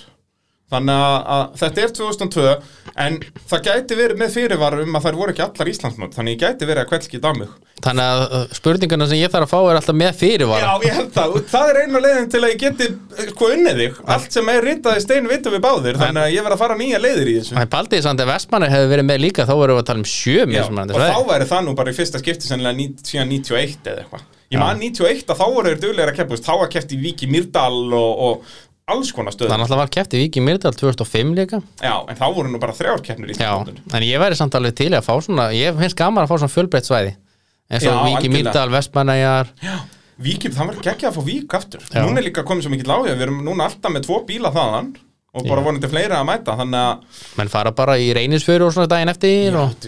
heyrðu pælt í því líka Bara ef að tímabrautin væri þar Það væri þetta kannski ekki mjög sniðut Það eru fólki yfirleitt bara að drepa sig og eitthvað En já, við, við mér hvað voru alltaf að tala um tveggjata keppnir og svona sem er alveg sniðut líka Já, en mér finnst það alltaf svona, finnst gaman að hafa að þetta er öll mismunandi svæði já, og bara eins og Þú veist, núna erum við að fara, fara á hellu í Hafnafjörð Það verður ekki meira mismunandi en það já, sko. já, og svo kemur Akranes og ég stær enda fyrst sem er náttúrulega sérstak Akranes, þetta er allt mismunandi góð svæði. Ég segja það, þetta er bara geggjað að hafa alla fjölbreytileika. Já, Uh, förum þá yfir í þriðju braut og það var svona bara eftir á að lí- líta stærsta brautin í kefni já, bæði í göttubíla og sérbúnaflokknum og það er í þessari braut sem að úslit bara svolítið ráðast. Vissulega náttúrulega ríðast úslit í sérbúnaflokknum í síðustu brautinni en, en stöðutablan mótaðist alveg í þessari braut. Uh, byrjum í göttubílunum og það er náttúrulega Haukur Birgisson sem fer fyrstur í brautina.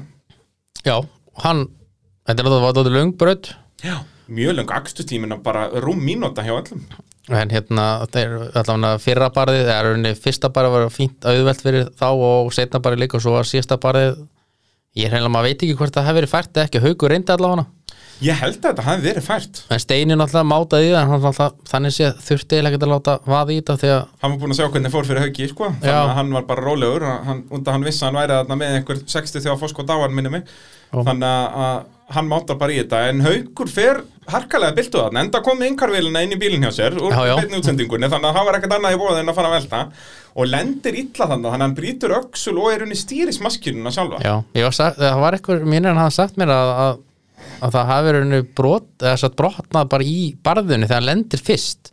Ekki að Já, enda í ekki í veltunni, já, þú meinar Hann að fari, Nei, ok, það- þá var þetta sennilega bara alveg ókleift En veltan sjálf skemmtist örugglega eitthvað en, en hann staðlaði minnir að tala um að, að svona mesti hlutir hafi skemmt þegar hann lendir akkurat í barðinu. Ok, ok, það leit nefnilega ekkert endilega þannig út á myndböndum. Mann fannst tökkið ekki vera en það geti blekt mann sko. En ég maður þegar Steini mátaði að þá fekk hann hann alltaf hefði þurft að fara miklu hraðar Já, náttúrulega, en maður, hérna finnur samt maður sá samt að þetta var erfitt sko. Já, algjörlega og, hvort og það hefur ókleift veit ég ekki en, maður veit ekki Haukur gerði allan að tilraun Já, já. og við verðum það en því miður var það frá að hverfa þarna og þá náttúrulega voru úslitin bara svolítið ráðin út að sérstaklega líka í þessari stöð í þessari braut að þá stoppar Palli í þarna, fyrsta barðinu, eða sérst millibarðinu þetta voru eiginlega svona þrjú börð þó að fyrsta Já. hafi bara verið brekka en hann kemst ekki þar upp þannig að hann fær bara þarna einhver ég man það ekki 180 stegi eitthvað svo leiðis og eða minna jafnvel og þá er steinu þannig að komið 200 stegi af foskott þegar það þrjárbreytir eftir og, og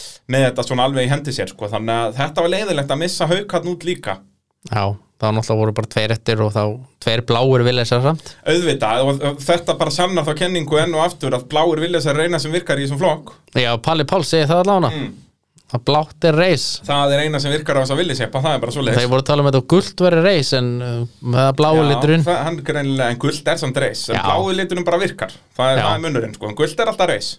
Uh, þá fyrir við bara yfir í sérubunaflokkin og eins og ég segi, þetta er brautin sem að skildi á milli manna því að þetta miðju bara þarna að það var erfiðast til hluti brautarinnar. Þeir voru flest allir að stoppa þar. Já, ég mitt sá þegar ég sá loka bara sérstaklega í brjótaskoðum þá bara nei, þarna fyrir ingin upp þarna bara mátur og brallir og, Já, þetta leit og akkurat eitthvað svona sko, svo kemur bara, var ekki ólubreið fyrstur í brjótina og hann fór þetta bara, bara eins og þetta var að kera laugavegin sko. var eins og að drekka vatn. Bara ekkert mál, bara gaf í alltaf réttum tíma og hann bara flög upp allt flýgur upp fyrsta barðið, það er bara Já, jú, ég held að hann fengið 40 refsingu þar og svo 10 í endahliði. Að, að ég er held.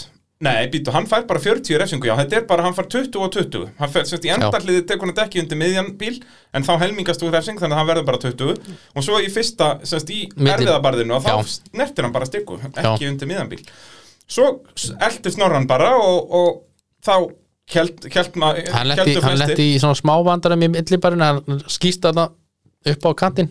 Eða sett hann á afturjólin aðeins. Já, og, og fyrir það- vikið fær hann 40 í mínus þar Já. en síðan í endahliðinu fær hann bara 10 þannig hann er með 50 í mínus þannig hann tapar rauninni bara 10 en stig þá fórum við þetta barða að verða erfiðara.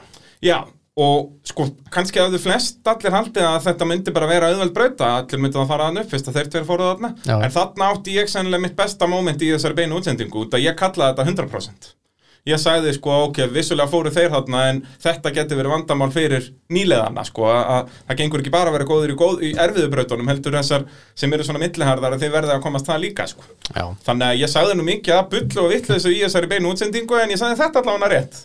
Þannig að ég, ég, ætla, ég ætla að gefa sjálfur mér pat on the back hérna fyrir þetta. Uh, en svo eins og koma daginn að þeir voru rauninni bara, já það voru bara fimm bílar sem komust að lokabarðinu, fjórir þeirra fóru í gegnum endahleiðið og þrýr kerði í burtu. Það voru bara þrýr bílar sem fengu 350 og náttúrulega Þórður, hann brýtur skiptingu að hann er ekki að keri burtu, fær bara 300 fyrir lengt. hann var nú næstu búin að velta þarna rétt á undan. Já, heldur ég held, að, betur. ég held að hann að tekið okkur bókstaflega með plaggatið, hann gerði þetta bara í öllum brautum Já, ég bara. allar fyrstu breytunar hann á myndunum sko líka bróðir hans hérna hann Dóri Björns, Já, að þannig náttúrulega ef þú ert með bróðin á staðnum með myndavélina þá verður að rífa þig í gang. Já, annars færi bara skammi sko. Ég nákvæmlega sko, við viljum það ekki nei, nei, nei, nei, og hérna, hann var stóra bróðir eitthvað að skammast í það, bara, það, það gengur ekki upp sko. og já, bara fyrst við erum að tala um Þór þegar við ekki bara farið yfir hans árangur í þessar braut sem var magnaður, hann vissulega semst fer alveg á hlið þarna yfir þetta miðjubarð en, en er með stikun undir miðjan bíl þannig að hann fær bara 40 mínus þar.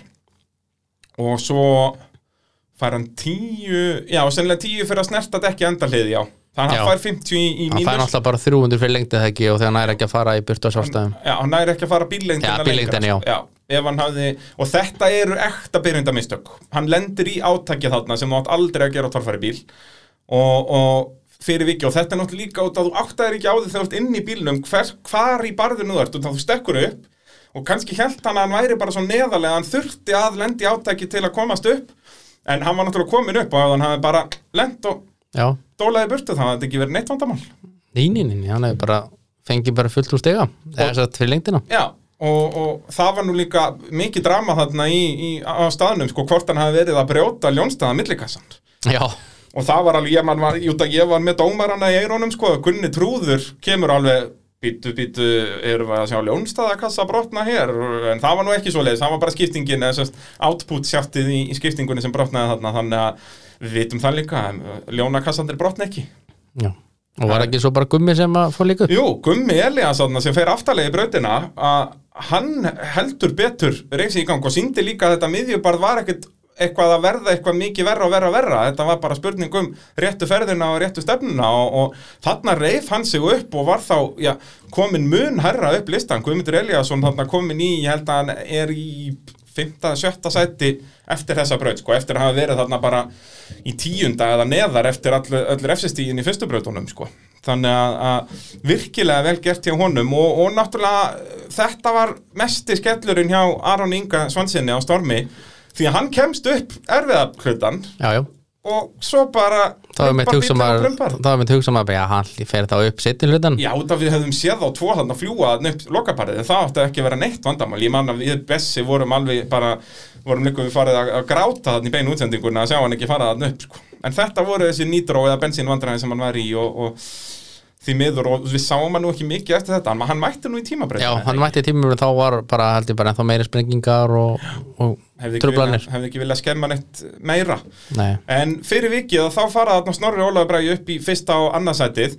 Uh, skúli var nú samt uh, nálætti hann fer hann upp á endan hann, ég veit, hann hefði ég man að bara, veit ekki hvað vantaði upp á Já, hann reysir kannski var stefnan ekki alveg rétt, kannski ef hann hefði náð sko að lenda í bremsu og svo bara um leið og hann er byrjar að fara niður að gefa þá inn en þú veist, þetta er mjög erfitt að reyna að vera að segja eitthvað þetta hérna Já, þegar maður sér þetta utanfrá og er aftur og aftur. alltaf gamla góða ef, ef þetta Já. hefði gerst sko. Hann bara, hann bara fór ekki hann upp, það er ekkert flóknara. Og, og þannig að hann tapar hérna fyrsta setinu og sömu leiðis Jóhann Gunnlaugs, hann fer á toppin en hann, það vantaði já, Og ég talaði um áðan hversu mikill snillingur ég var í beinu útsendinguna að þarna átti ég líka alveg frábært moment. Þegar út að ég var handvist strax að þetta veri bensín. Bara 100% að út að bensíntangurinn er aftan í bílunum. Og þú veist, ég gæti ekki trú að þetta væri að koma úr vasskassanum út að það er nú yfirleitt alveg lokað og það er þrýstingur á því sko, annars myndi það sprautast út bara eins og við sáum á storminum í hafnafyrðinum sko, hann sé alltaf að spúta sér bara af, af, af þrýsting. Og þannig ég var bara 100% að þetta veri bensín og svo bendir Bessi nú á að það séu klakar þarna líka. Og þá hugsaði ég, já, býtu þau hljóta að vera að kæla bensín af einhverjum ástæðum, það væri svona klakaboks í kringum bensíntankin. Ég vissi að það var ekki ofan í bensíninu, ég hafði vitt á því. En, en uh, að það var að kæla bensín, ég veit ekki af hverju þetta er að gera það en kannski er það eitthvað svona keppnisstöf sko. já, maður veit aldrei. Maður veit aldrei, sko, ég er nú bara bifjölavirki hvernig á ég að vita þetta? En ég mani með þegar ég var með ótt með alla þegar ég fór að keppna með honum úti sérstaklega og náttúrulega bara einn á heim Ísland þá voru alltaf með klaka sko já, og þetta er semst fyrir intercooler. Já, og það intercoolerin er sérst í flestum bílum er hann bara hliðin á vaskassanum fremst í bílnum, þannig að það meikar sens í torfæri bílum að hann sé fyrir aftan. Og þetta er í rauninni intercooler er bara til að kæla loftið fyrir turbínuna og þá meikar sens að uh, hafa klaka í því öllu saman uh, fyrir uh, til, a, til að halda loftinu köldu inn á turbínu Uh, margir bílar eru til dæmis með bara water injection, það séu bara vassbísar á, sem er að sprauta köldu vatni á intercoolerin en uh, ég kveldskeitt í degi þarna en það er líka mjög skemmtilegt. Já, það er alltaf gaman svona bara. Maður lærir, lærir ás lærir af þessu sko, svo var ég byrjar að fá kommenta að þetta sé, nei þeir eru sennilega kæla nýtróið og eitthvað, mér fannst það líka mega sens, út að ég hefði alltaf séð að þeir eru alltaf með eitthvað svona drastl utan um nýtrókútarna, þannig ég tók því eins og heilugum sannleika, en það er náttúrulega öfugt með nýtróið, þú ert alltaf því á þú ert með hitamottur í kringum það en ekki klaka þannig að þetta var allt í toppmálum en uh, ég sé ekki eftir neinu, þetta var príðiskoð skemmtun Já, já, Líka eina, mesti skellurinn er að þetta var eina sem var svona skríngrabbað á torfæráhuga menn, það var þetta en ekki þegar ég var að vera sniður Þetta er synd og spennt þeir taka þetta þeir eru skrýnsota vittlust Já, nei, nei, þetta, ég, ég, ég kvart ekki, kvart ekki neitt. Uh, Fleira í þessari braut? Jú, heyrðu, náttúrulega okkar maður Yngvar Víkingurinn? Víkingurinn var Yngvar Jóhannesson. Hann tók huggulega bakflipið þarna maður og beint að ég, þegar ég sá þetta fyrst á bara ok, tilþræðavölinu komin. Já, við Bessi sögðum það líka í, í beinum stundingu, bara heyrðu, hann er komið til þennan velinu, það þarf eitthvað mikið að gera til tímabreytunum og hérna, hann náttúrulega yngvar að búin að vera í Bölvi Basli, hann mætti ekki í aðrabreytinu, hann var sérst, stýristlaus, Já, svo þurfti að- að skipta um skiptingu það ekki fyrir keppni líka? Jú, fyrir keppni, hann var allt í skrúinu hann að hjá þeim, að hann talaði um í viðtali við okkur held ég að var eftir fyrstu braut, eða eitthvað í kringum aðra braut, að Þetta væri stýri stælan sem er byluð en það væri ekki með varahluti, þannig að hann væri bara dottin út. Ég veit ekki hvernig þeir rettuðu því síðan. Það kannski hefur funnst þeir hafa ég- fundið dæla eitthvað starf eða bara brunað á vík. Það er nú ekki svo langt að fara. hann var nú, held ég bara eins og í mýrin áni þá var hann hálf stýrislös eða hann var alltaf beigði alltaf hann svo mikið ég veit ekki hvað, hvort það hefði verið út það af var því bara út af að hann var með sprungið það. var hann bara með sprungið Já, það, hann mætti bara í allar brautir eftir þetta, mætti hann með sprungið ekki, eða þú veist ekki sprungið, það var bara svona fimmpundi í því. Og ég veit ekki af hverju, hvort það var bara að leka úr því og þeir voru eitthvað alltaf að reyna að gera við það en, en hann er rauninni klára keppnin hann bara á þremur hjólum, þú veist, hann fer á þremur hjólum út í ána til dæmis. Og, og restin af tímabrutinu held hann að klára fjórðubrautina sko með að sprungi báðu megin hægra megin, eða þetta framan og aftan. En þetta er einmitt það sem vorum að tala um í uppbytuna þættinum að ef bílinn er í lagi þá getur hann, til dæmis í þessu tilveiki getur hann verið ofalega en leið og bílinn náttúrulega er ekki í lagi þá ertu fljóttur að fara niður nefnilega sko. En hann stóð sér nú samt alveg vel. Sko. Guðmundur Eliasson líka liðsfélaga hans frá Viki Mýrdal að- að hann síndaði líka þegar bílinn er í lægi að þá svinn virkar þetta og ég held að hann að venda fjóruði eða ekki eftir dag Jú. þannig að heldur betur er það, það svoleiðis. Staðan eftir þessa þriðju braut þá er þetta allt búið að snúast við. Snorri Þór orðin efstur með 740 steg 50 stegum á undan Ólafi Braga. Í útsendingunni var hann alltaf þarna 100 stegum út að við vorum ennþá með vittlu steg út á fyrstu brautinni. Þessu var svo laga þarna bara þegar við erum að sína þessa stöðutöfli í beinu útsendingunni eru dómararnir að fara yfir vídeoð frá þér. Þannig þessu verður breytt þarna eftir fjórðubreyt minni mig. Þannig að Ólafur er hérna 50 stegum á eftir en ekki 100 eins og við heldum fyrst. Uh, svo kemur skúli bara 10 stegum á eftir Ólafi.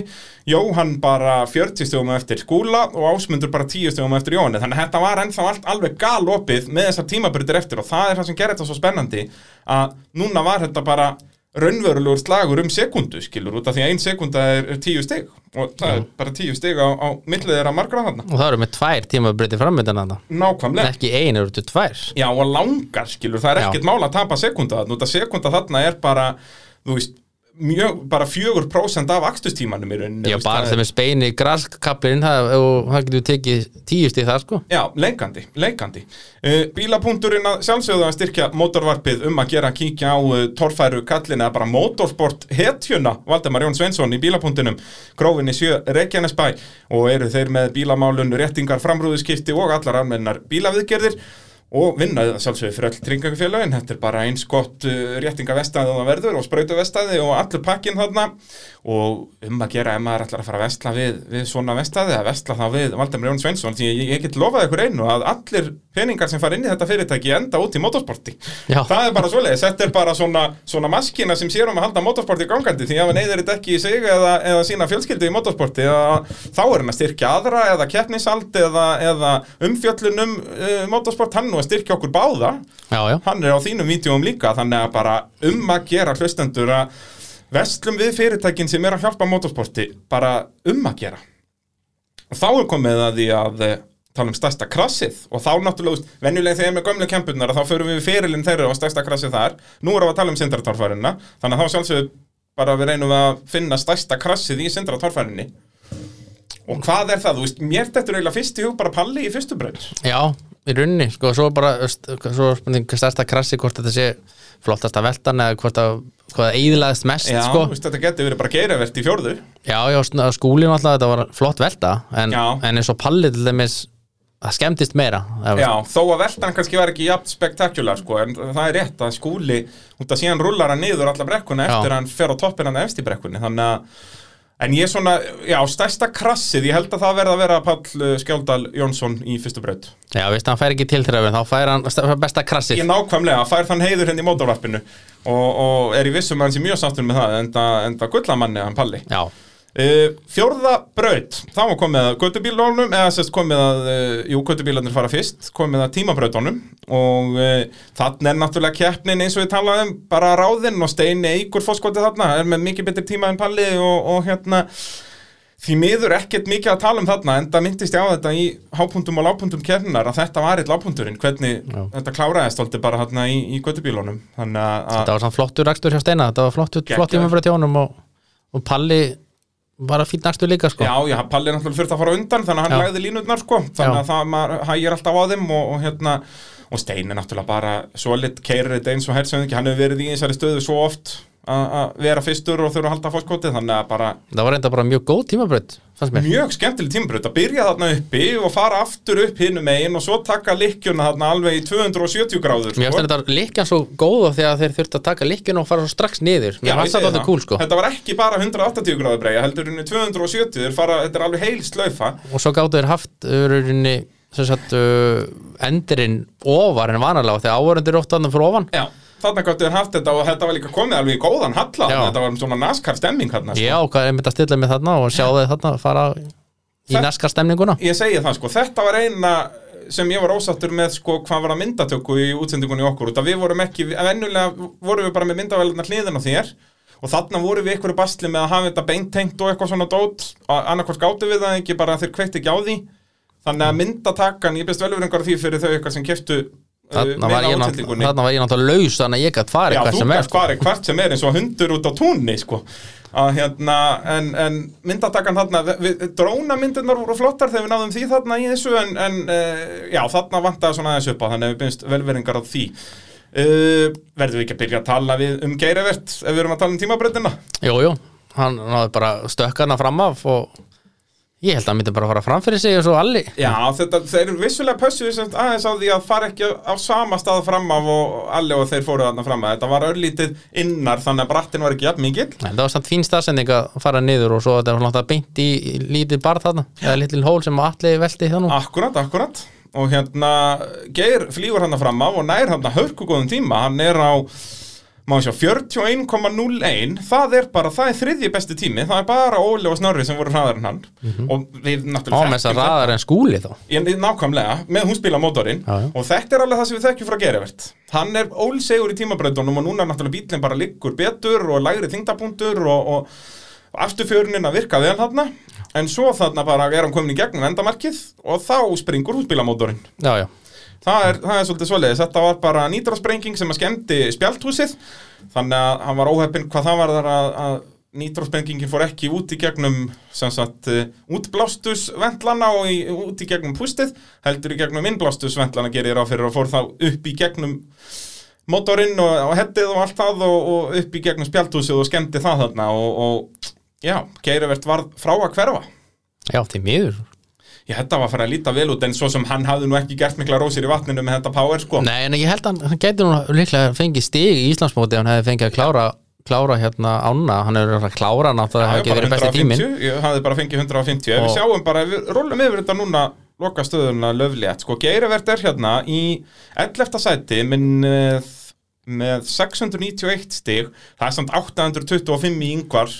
Já, er, er, en samtíminn, já. hann hafði fengið 150 og síðan ábygglega líka, hann hafði ábygglega alveg klárað sko fyrripartin á mýrinni Já, hann hefur kannski fengið, hann hefur kannski, já, fengið ykkur hundrað Nei, jú, Jú, jú, 100. 150 kannski, hann fengið svona 300 stig og já, Já. já, þá er hann komin, ef við bætum 300 stigum við, gerivert, þá er hann komin 991, þá er hann komin upp fyrir Pál Jónsson og Rollunni, Já, þá er hann komin í 10. 9. hann er komin í 8. sendið, já, já það eru bara hvað svo lit fjögur stig, Já, já, getur munið um það já, heldur betur, þannig að- að svekkjandi að að sprengja þarna húsbílamótorinn, hann verður greinlega ekki farið inn í húsbílaferðarlegu núna í sumar, þar sem að, að hann er vélarvanna blessaður, Það fer en ekki bara, fer en ekki bara á rútunni Jú, það er ekki mér, það er nót til hann að tækjum til að ferðast á, það er engar áhyggjur af því.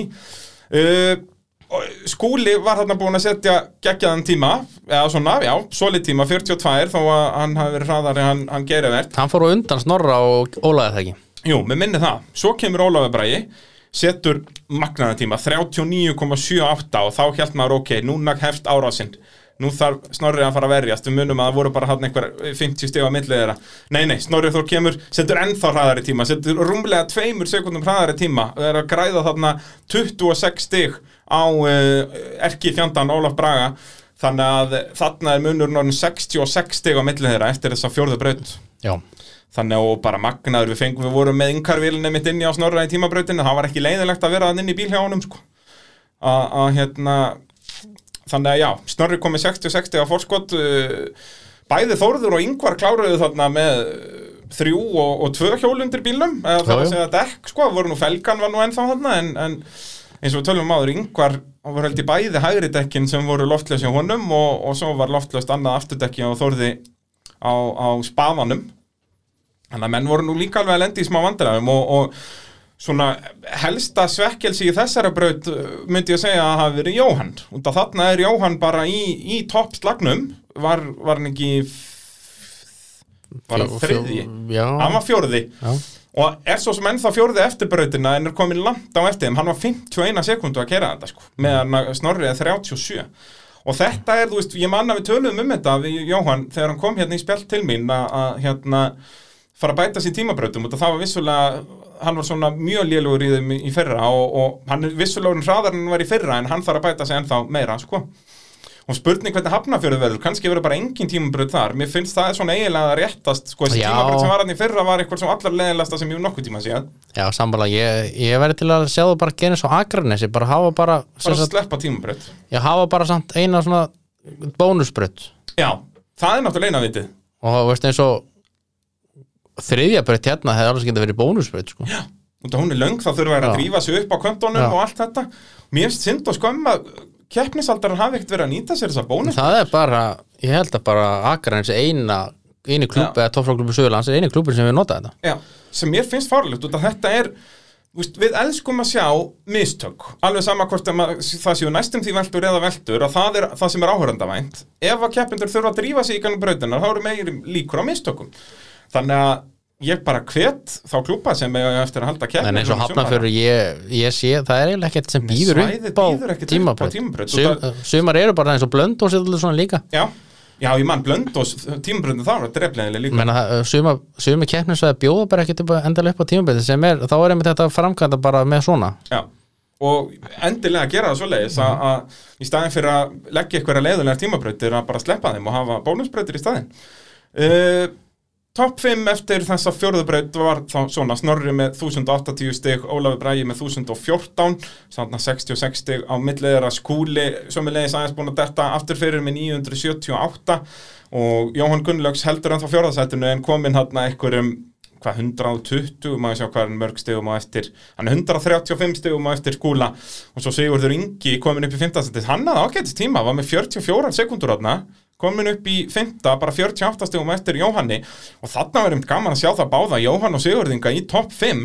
eftir, þú veist, að þeir eru bara á öðru tímabilinu þetta er bara 5. keppnið þeirra og, og voru í fyrra ég bara, þeir voru ekkert góðir í fyrra það er alveg hægt Við að segja eitthvað að tala um þetta í uppbytara þættinum að, að þeir ættu svona ættu að stígu upp og þeir eru Nákvæmlega. gerðu það Já, 100% Mér fannst allavega að Siggi kera mjög vel, hann var alveg fljótur ég held að það er smá að venjast nýja mótor og svona en Já. hann bara kera þetta bara mjög vel í sko. rauninni fór bara strax að nýta sér nýja mótorn frekar Já. en eitthvað að þurfa að venjast honum. Og, og þegar hann verður komin upp á já, alveg upp á lag með þetta þá verður hann bara skæður, hugsa ég. og sama með uh, Jóa Já, Jóhann er náttúrulega bara óheppin, við tölum um það núna næstu að hann klárar ekki ána og dettur úr leik, þannig að, en framan af leit þetta mjög vel út í honum, þannig að þeir verða skæðir í sumar og þess vegna verður svo áhugavert að fylgjast með þessum toppslag og hvort að þeir verði alveg hérna í slagnum kannski við skúla og, og snorra og, og ef að Óli bara í keppir í einhverjum keppnum, þú veist, ég veit ekki hvort þeir ná alveg inn í það og kannski haugur við þær verið í þeim slag líka, ég veit það ekki.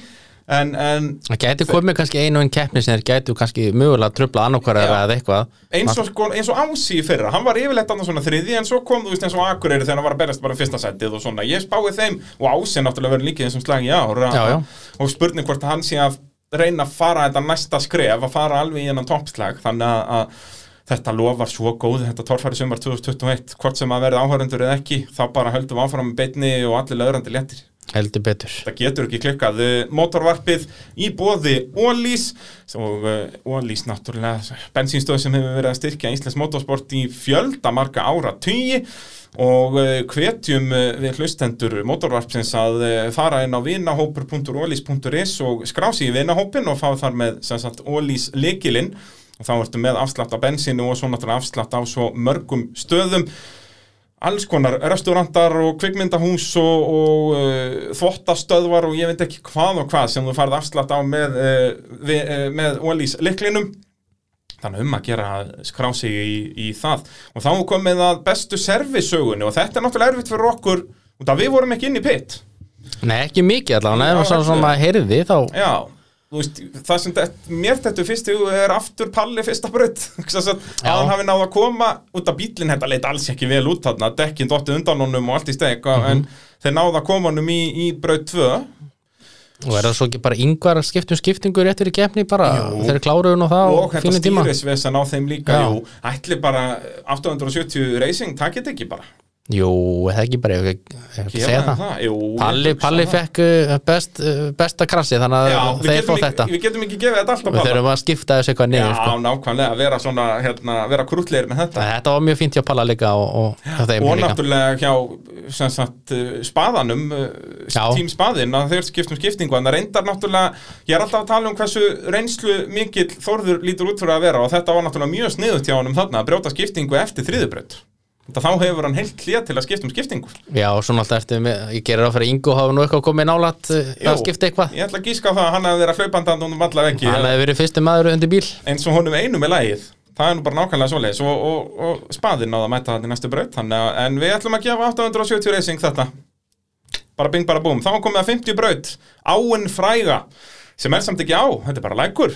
Já, Hróars lækurinn og það er bara sama sem með guttubíluna þar. Þetta var allt mjög dögt yfir þessu. Palli fer þarna fyrstur og, og frettar er yfir, hann náði vel yfir fyrstu sperrunina og svo í rauninni annarkort hvort hann hafi bara verið að reyna að dæla ómikið að nýtróðun á mótorinu eða hvernig sem þetta var að þá byrjar hann að fretta bara bíllengd áður en hann fer ofan í ána langsum.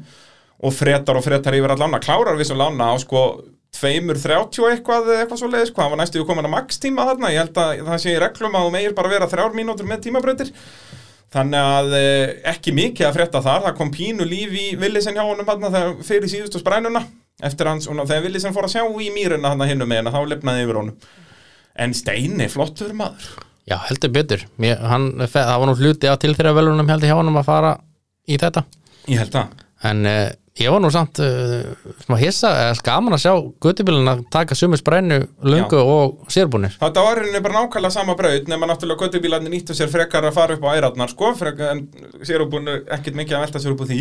Já, já, en ég held að þetta sé líka bara sem koma að skala láta og- en þeir geta nýtt sér eins og þú segir að, fara þarna upp á það æratnar getur rauninni fara upp á fyrri eins og hefur átt verið í brautunum. Getur rauninni fara upp á fyrri og svo aftur á setni og svo Já, eins og bara þetta var kert þú veist, hliðin voru lögð svona manni í mörg ár. Að þeir fóru svona S-laga yfir þetta allt saman þannig að bara um að gera að hafa þetta svona og þá býður það líka bara þeim sérubúnum bílum sem að treyta sér ekki yfir veist, þessa stýttirleið líka sko. Já, já. þú veist, eins og þessir sem að veist, það vantar aðeins á powerið þú veist, Danni Thunder og var ekki Palli í basleðana líka og, og fleiri og fleiri og vikingurinn, þú veist, vissi að það var sprungið þá getur þú farið hitt og náð þá ennþá einhverjum sómasamlegum tíma, sko var samt best hjá vikingnum þegar hann fór yfir fyrri spæruna þetta var bara eins og gott drift sko. Já, það, hann hefði getað bara titli í drifti með þessu Já. og eins í, í mýrinni var hann svipaður, hann var driftand alveg hægri vinstri, sko Hann er kannski að fara að kaupa sér uh, driftbíl Já, yngvar um að gera að- skella sér eitt svoleiðis Já, bara fara á vikingnum í driftið Já, hvernig væri það? Við höfum nú séð annað eins. Að he- Þór Þormann skellti sér á auðsónum á, á Malbyggi á Já, já. Akureyri. Þannig að þetta er eina vitið. Uh, Þórður hann var í vesen á spaðanum það var eitthvað velar vandina hann var fredandi og náði ekki allan leiðin yfir og, og eins og kláraði þá alveg brautina bara ekki á, á góðum tíma. Sömulegis yngvar hann í dekkjavesenni þannig að hann var með, með mjög slagan tíma líka slagasta tíman, 1 mínúta og 12 sekundur meðan að Þórður var þá allavega annað 55 sekundur eitthvað svo leiðis og Siggi á Jeppi náttúrulega hann drepur á eftir fyrri hann náttúrulega hægir á honum í tímanum Já, sagt, hann er bara á 53 sekundum sko, En hann hann, flaut yfir. heldur betur og heldur betur ánægð með það. Já, eins og Jakob setti inn á Facebook síðuna sína hérna, var það ekki gær bara, jú? Já, Eða- eða allavega í vikunni, við veitum ekki hvernig þessi þáttur. Já, það er rétt, já, þetta var alveg í, já, í vikunni um að gera kíkin á Jakob síða á Facebook og þar sjáum við gullfallet viðtal við hann segja jippi og eins í, í sko, beinu útsendingunni að viðtölin við hann þetta var eitthvað dásanlegasta sem við veit um sko. Ég væri til í, í brautaskoðun að setja bara svona mæk á hann Já, sem hann veit ekki af sko. Og bara þá, sér maður, heyrir maður bara alltaf sem að þetta er algjör gull moment þegar Já. maður er með honum í brautaskoðun. Jafnvel líka bara eins og núna þetta getur verið framhald sko með beinu útsendinguna hjá okkur að hafa mæk á honum bara í brautunum líka. Já, ég, þú veist, þeir gerir þetta í NASCAR og þá er það sko, ég byrja að hóra NASCAR á Viaplay núna og þá er þetta sko alltaf þegar kemur eitthvað gult flagg eða eitthvað að þá er bara, oh Cal, how you doing in there? Og hann bara, oh I'm doing fine og bara í niður í keppni sko, þannig að þetta verið gott í beinu útsendingunum bara, Já. þegar einhver er búin að kútvelta og hann er ennþá hangandi inn í bíl að koma bara Heyrðu, Siggi, Siggi, Siggi, hvað er að frétta þetta? "Ah, Þetta er allt Allir bara álaður maður. Þetta verið snild já, Þurfum við ekki að plugga þessu? við verum að prófa það. Heyrðu, ég fer í, ég fer í málið Það er allavega það er á að setja þetta í eitthvað bíl þá er það sá er það siggi sko. Byrja á Sigga og Danni Þönder verið gott sjátt líka með Já. hvernig sko, þú heyrir yfirleitt í honum og þú ert langt í bjúst þannig að þetta, þetta geti verið eitthvað. Uh, eins og segi Siggi tapar þarna tíma á að drepa á hann flýtur alla leiðin yfir. Uh, Ási er þarna mun hraðari en bæði Gummi og Siggi. Gummi var ekkert með neitt spes tíma hann, hann náði ekki, 40 hann, hann náði ekki alveg að fljóta alveg alla leið. Nei, En svona nánast, það var- vantaði hestuminin En Ási er hann alveg bara með einn af þessum topp tímum, hann er 34 sekundur, þannig að hann græðir vel á, á þessa tvo og er þá komin upp í, í hvað sæti er hann hann, hann er komin upp í fjórða sætið eftir ána á undan Guðmundi og, og Sigga. Og, og þannig að bara virkilega flottur akstur á, á bombunni þarna en, en uh, skúli með magnaðan tíma 31 sekunda og svo bara halda þær áfram bæta sig. Skúli 31,85 Óli Bræði 30,8 Snorri Þór Árnason 29 sekundur koma fjórar. Og 103 km hraði ofan á vatni Jakob. Þetta er rosalegt sko. Sko, En- er, er við ennþá búin að fá staðfest að þetta sé heimsmynd? Ég veit ekki, það er svo, svo spurningin sko hvort, hvernig mælingarnar eru hvort hversu góð mælingin þarf að vera. Þetta er náttúrulega bara lauruglan var að mæla Já, náttúrulega ef þetta ætti að vera official world record þá þarf að gera þetta nokkrum sinnum held ég sko, Já, það þarf að vera þetta eitthvað svona svaka Já, en svona, mæla en eitthvað. er þetta ekki hæst að tala höfum við séð hærri tölur í bandaríkjónum með Ég man ekki hvað Þór Þormar náði í bandarækinu 2018 Var það yfir 100? Mér minnir það Það Ég held kannski það, hvað var hann á 102 hellu eða? var hann ekki 102 á hellu eða hvað var hann á hellu 2018 Var það líka 100? Var það ekki 99? Haukur náði 94 með það ekki núna í fyrra hitti fyrra Já Það, Það var eitthvað þetta meira er en það. allavega alveg there and thereabouts ef þetta er ekki Já. bara Já. hann fór allavega ekki hægt að yfir allan Íslandsmet allavega Íslandsmynd, við vorum yngarið á honum hann, hann uh, skvetti bílnum í annan gýr og röraði þarna yfir með öll sín 960 höstöfla eða hvað þetta bara er hjá honum, kortringurinn sjálfur og, og bara sturlað að fá að sjá þetta sko. Já, bara, hvernig var að vera á staðnum? Það var rosalegt sko. Er það ekki? Ég var bara í einhverju stúdíó upp á Granda Þú, það, það, þú er, það er allt öðru að vera á staðnum sko. Já, þetta, er, er þetta er bara og náttúrulega þegar ávorðum með að koma inn þá hvetur maður alltaf til að fara og sketta sér sko. heldur en þeir sem komast ekki þá bara tjekkar á bitni útsendingu ef hún verður Nákvæmlega, gott að hafa streymið sem backup það er bara svoleiðis og geta hort á það eftir á eða bara í hlýðum eða eitthvað svona, geta séð hvað er í gangi það var ekki bara að segja Danni eini sem að festist eiginlega og, og þöndubolt líka, jú Já, það er náttúrulega Jóhann, við þurfum að tala um hann. Já. hann fór ekki yfir og, og bleikti mótornum þá eitthvað svo svaðarlega að hann var bara frá að hverfa, hann mætti ekki í mýrina. Nei. synd og skömma, að hann var eins og við tölum um á í mjög góður í stöðu þannig að, og líka mýrin, ég held að hann hefur nú viljað fara í mýrina vil ekki allir fara í mýrina í sinni fyrstu keppni á hellu? Jú, heldur betur maður. Hann komst þú allavega í ána, þetta Já, var já. hann fyrsta tilhörun með, með ána. Thunderbolt, honum líkar bara ekki vel við eins á ég ætla hann ekki í keppni allir hefur farið yfir þegar hann var ekki í Já, keppni já, bara það, kem, það er einhver pressa á bílnum bara ef það Já. er í keppni, það er bara var, svoleiðis var þetta ekki bara svipa, svipa staður og þegar hann hérna allir hérna, Druknaði honum alveg hann Já, nánast. Jú, eiginlega, hann var örlítið aftar en Já, þetta já. var svona svipaðar slóðir sko og hérna, þannig að það var gríðilega svekkjandi en það, segir, það er rétt hjá með Danna Þöndir að hann í rauninni festi sig hérna bara þegar hann var búin með svona 90% af brautinni Já. og bara, já, festist ofan í hann flaut nefnilega, hann flaut nefnilega svo vel fyrirpartin en Já. síðan setni hlutan þá bara einhvern veginn ég held að hann myndi ná að fljóta miklu meira Það, hann er náttúrulega með mjög mjúka fjöðrun þannig að hann er svolítið mikið hoppandi skoppandi hásingarnar hjá honum þannig að- það gekk ekki alveg sem skildi snemma sko. Já, þannig að á svona mikið viðin á mýjus öllu saman þannig að hann fór ekki að niður Eitt sem ég langar að tala um með Snorra þarna var náttúrulega Snorri komið með 80 stegan fórskot á Ólaf og hann er náttúrulega líka svolítið að venja spilum hann talaði um það í viðtölum við okkur í byrjun útsendingunni að, að sömu leiðis Óli sagði það sama. Hann er náttúrulega, þetta var bara hvað hans þriðja keppni á, á nýsmíðum bíl en Snorri er náttúrulega að kaupa bílinn af Þór og Þór var búin að breyta honum talsvert og stæsti munurinn fann Snorra var stýrið. Það, ég man þegar að Þór var að tala við mig um þetta hérna í mótavarpinu að hann er búin að sérst, setja það er séu meiri ringir, fleiri ringir semst, hann, hann beigir ennþá alveg jafn mikið en þú þarf meira að vera að veisa hann á stýrinu. Þór fannst það þægilega út annars var hann svo mikið að fara bara hægri vinstir og eitthvað í brekkunum. Hann vildi dobla þetta eitthvað sko, og, og þannig að Snorri var að venjast því og ég, mér heyrðist á hann að hann vildi frekar bara halda áfram að venjast þessu frekar en að breyta honum tilbaka. En við sjáum til hvernig hann verður í, í hafnafyrði og sömulegis náttúrulega allt auka aflið þannig er hann bara með einhverjum sko 300 hestöflu meira en hann var með. Og var hann nú alveg með dágóðan dassa. Og svo er það fjöðrun, það er komið nýtt fjöðrunakerfi í kortrengin og Já, sem að Snorri setti eða ekki? Já, Núna. ég held það sko, sem Snorri setti ég núna og maður sér það, ég sá það allan greinilega á bara beinu útsendingunni að hann er, það komið miklu meiri svona stans á hann, hann er mjög hárað aftan, finnst þér það ekki? Ég reyna bara tók ekki eftir ég var ekki að skoða það þegar að, en Snorri var náttúrulega aldrei búin að prófa bílinn. Nei, nei, hann var bara prófan í fyrstu breytt þannig að þetta var bara mjög gott hjá honum eða að hafa ekki prófað neitt Ég Snorri er náttúrulega alveg hann alltaf sest bara upp í bíl og, Já, og bara keirir og allt í gutti sko. Hjólar í enda sko. Og þarna eftir fimm breytir er hann 80 stugum á undan Ólafi Braga sem er í öðru sendi. Skúli ennþá þriðji skúli þá bara hann 31 stígi og eftir Ólafi.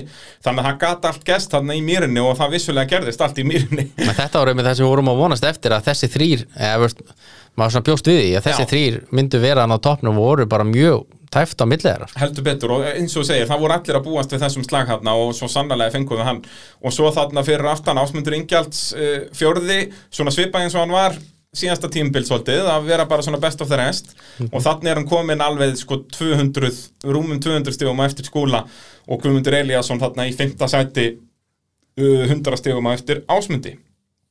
Þannig að bæði langt já, Guðmundur þurft að vinna sem talsvört upp til að komast undan ásmundi en uh, þá ætlum við í sjöttu braut en áðunum fyrir um þangað þurfum við að tala um tækjaflutninga Norðurlands. Enn eitt fyrirtæki sem að þið verða að vesla við ef að þið þurfum að flytja eitthvað milli landsluta því að þeir flytja allan anskotan ég get bara sagt ykkur það, það er náttúrulega vinsælast að flytja bara bílinn ef hann er eitthvað bílaður eða þarf að fara með hann á Akureyri eða ílstaðið eitthvað svona dót og þá geta þið flytt eh, allar gerðir bíla alveg saman hversu stórið þeir eru. Nú eða báta eða vinnuvélar eða liftara eða ég veit ekki hvað og hvað gröfur og, og allur pakkin tækjaflutningar Norðurlands endilega kíkja þá á bara þið finni númeri hjá þeim á já.is eða fylgja þeim á Facebook og þá komið að því að spurja þig uh, Jacob. Skemmtilegasta brautin á hendlu 2021 Já. Uh, Ég fannst það nú reyna bara allar mjög góðar. En kannski er auðvitað að velja eina. Ættum við að raða þeim upp? Ættum við að fara lengra með þetta, ekki bara nefna eina braut heldur bara, ef við byrjum á leiðilegustu sem var náttúrulega ekkit leiðinlega en Nei. verðum við ekki að hafa fjóruðu þar eða? Jú, tímabröðin, þetta var samt mjög góð tímabröð mjög góð og við fengum fullt af aksjónu þarna, eldur hjá sleggjunni og menn á sprungnu og allt að gera stökk og, og læti. Jú, setjum hana í, í Settum- sjötta seti Já, hún var síðust, orðin það þannig, hún var ekki, alls ekki leiðinleg. Nei, Í fymta sætið myndum við setja bröð 2-3 Samt ekki, nei, ég veit ekki. Ekki þrjú, það var svo mikið frekar þá tvö. En svo er það svona fyrir eftir hvernig maður lítur á brautina hvort hann hafa verið góð upp á keppnina sjálfa eða hvort þetta hafi verið Já, við erum að spyrja skemmtilegustu, já, Já. það kannski frekar tilþrif, frekar en, Já, þannig að þá var það kannski frekar þriðja frekar en önnur. þannig að já. Set, setjum braut tvö í fymta, ef gera Já, það. já, Og í, í fjórða sætið myndum við setja, þá er það þrjú eða, hvor, hvor var skemmtilegur, fyrsta eða þriðja? Fyrsta er náttúrulega alltaf svo spes út að fyrsta braut já, mér fannst fyrsta skemmtilegri bæði náttúrulega skúli tók þetta og palli og, Já, Og og menn voru nú að fara hann upp þótt hann nú ekki verið dæmdir inn í braut Já, og, og það er svona rétt.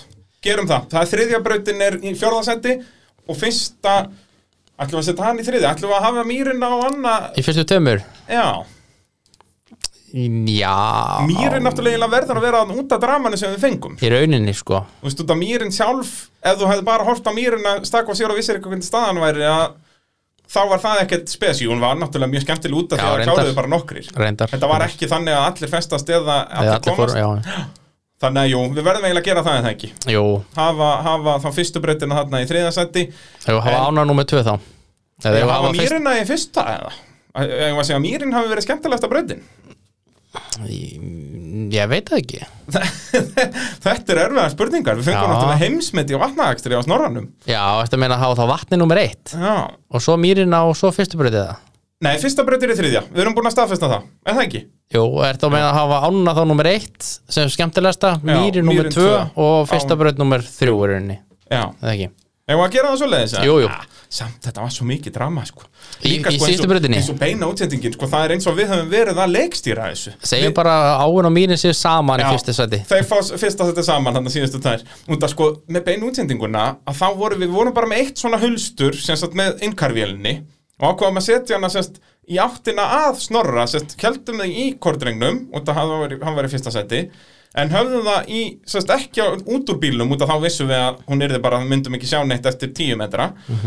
Heldur á snorra, þannig að við vorum með þetta allt í beinni þegar hann er hann með stýrislaus algjörlega bugaður hann eitthvað að reyna að bakka og þetta er allt í tómu tjónu og það tekur stýrið af og fer út úr bílnum brálaður og þetta var allt bara í þráð beinni á motorsport.is sko. og líka það bara hvernig hann var eftir mér, þetta var bara, hann var bara eins og zombie, sko, augun sjást rétt svo augun, þetta var bara eins og bara, bara zombie hann inni, sko. Heldur betur, þetta var bara þetta var svakalegt sko. þannig að eins og ég segi, það var eins og við værum bara einhver aðra um áttarvöld þarna og værum að leikstýra þessu öllu saman.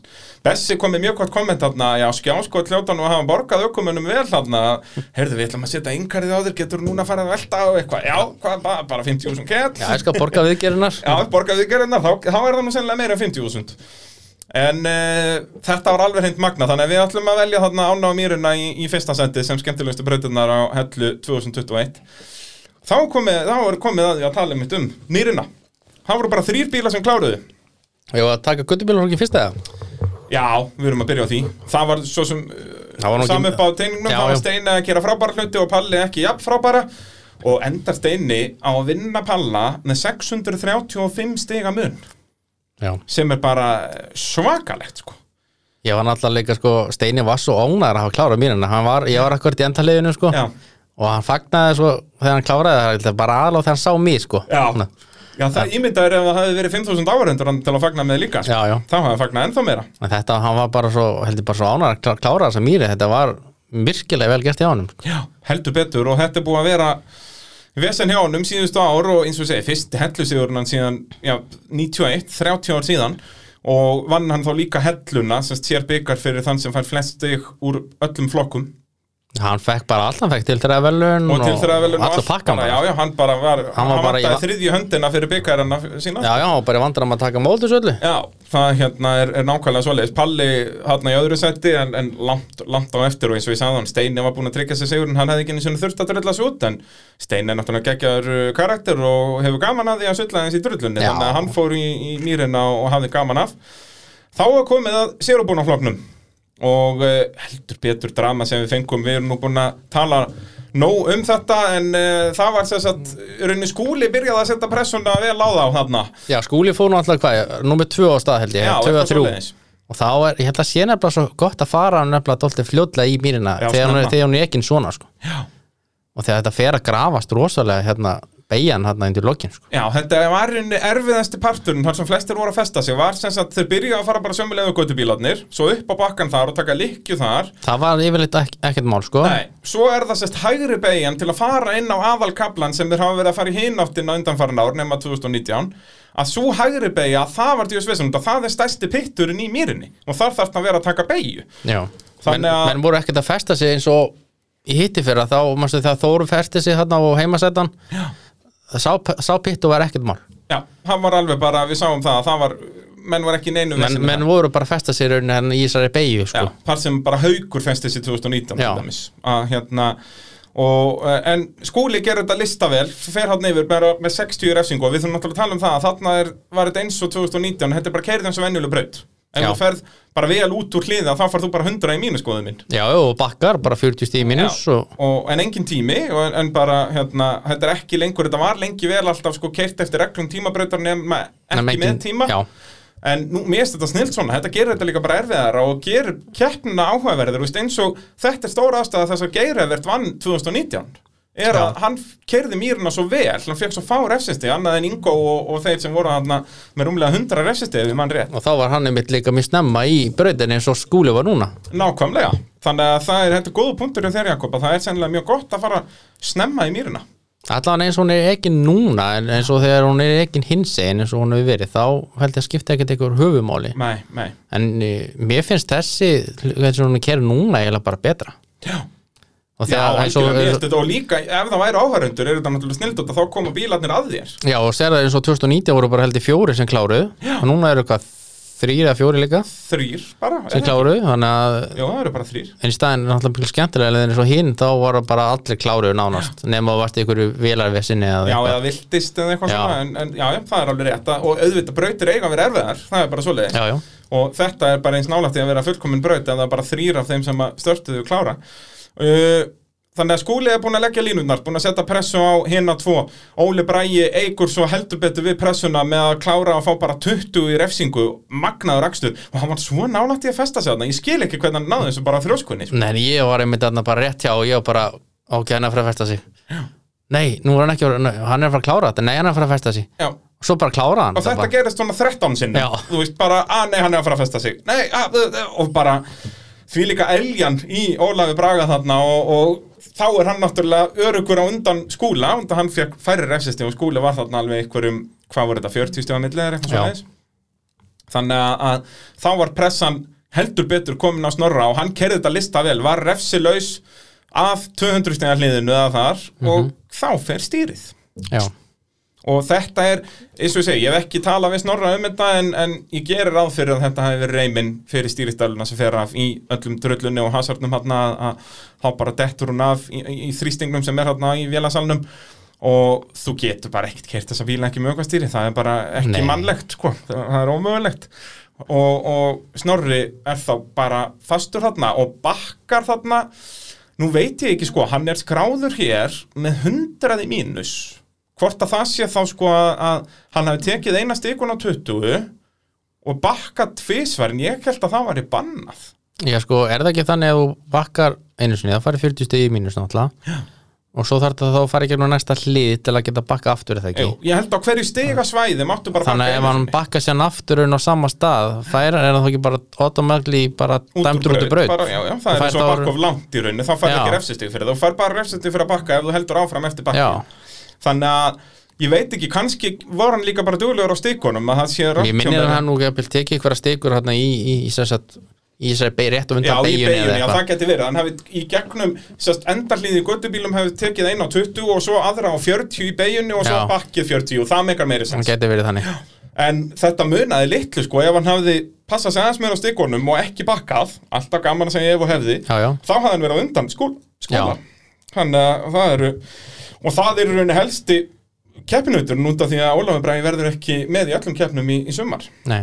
Þannig að, að það munar um þetta en, en Snorri var bara að reyna allt hvað hann gatt hann sá sigurinn vera að hverfa frá sér þarna og, og ég, þó hann hafði klárað þarna með þessu hundrað eða já, sennilega meiri refsingu að þá hafði hann hvað sem er ekki náð Ólaf Braga þannig að, Nei, nei, að þetta var bara búið og, og náttúrulega leiðilegt að tapa sigrið þarna á bílun en, en Ólafur Bragi bara virkilega vel að þessum sigri komin þetta snýst um að hafa bílun í lagi, þetta er ekki bara ökumæður en heldur leiðið í kring og, og allt þetta og, og það var bara Já, svona það þarf alltaf að ganga upp bara bitin í lægi og svona alltaf þarf svo sem að vera í lægi líka sko.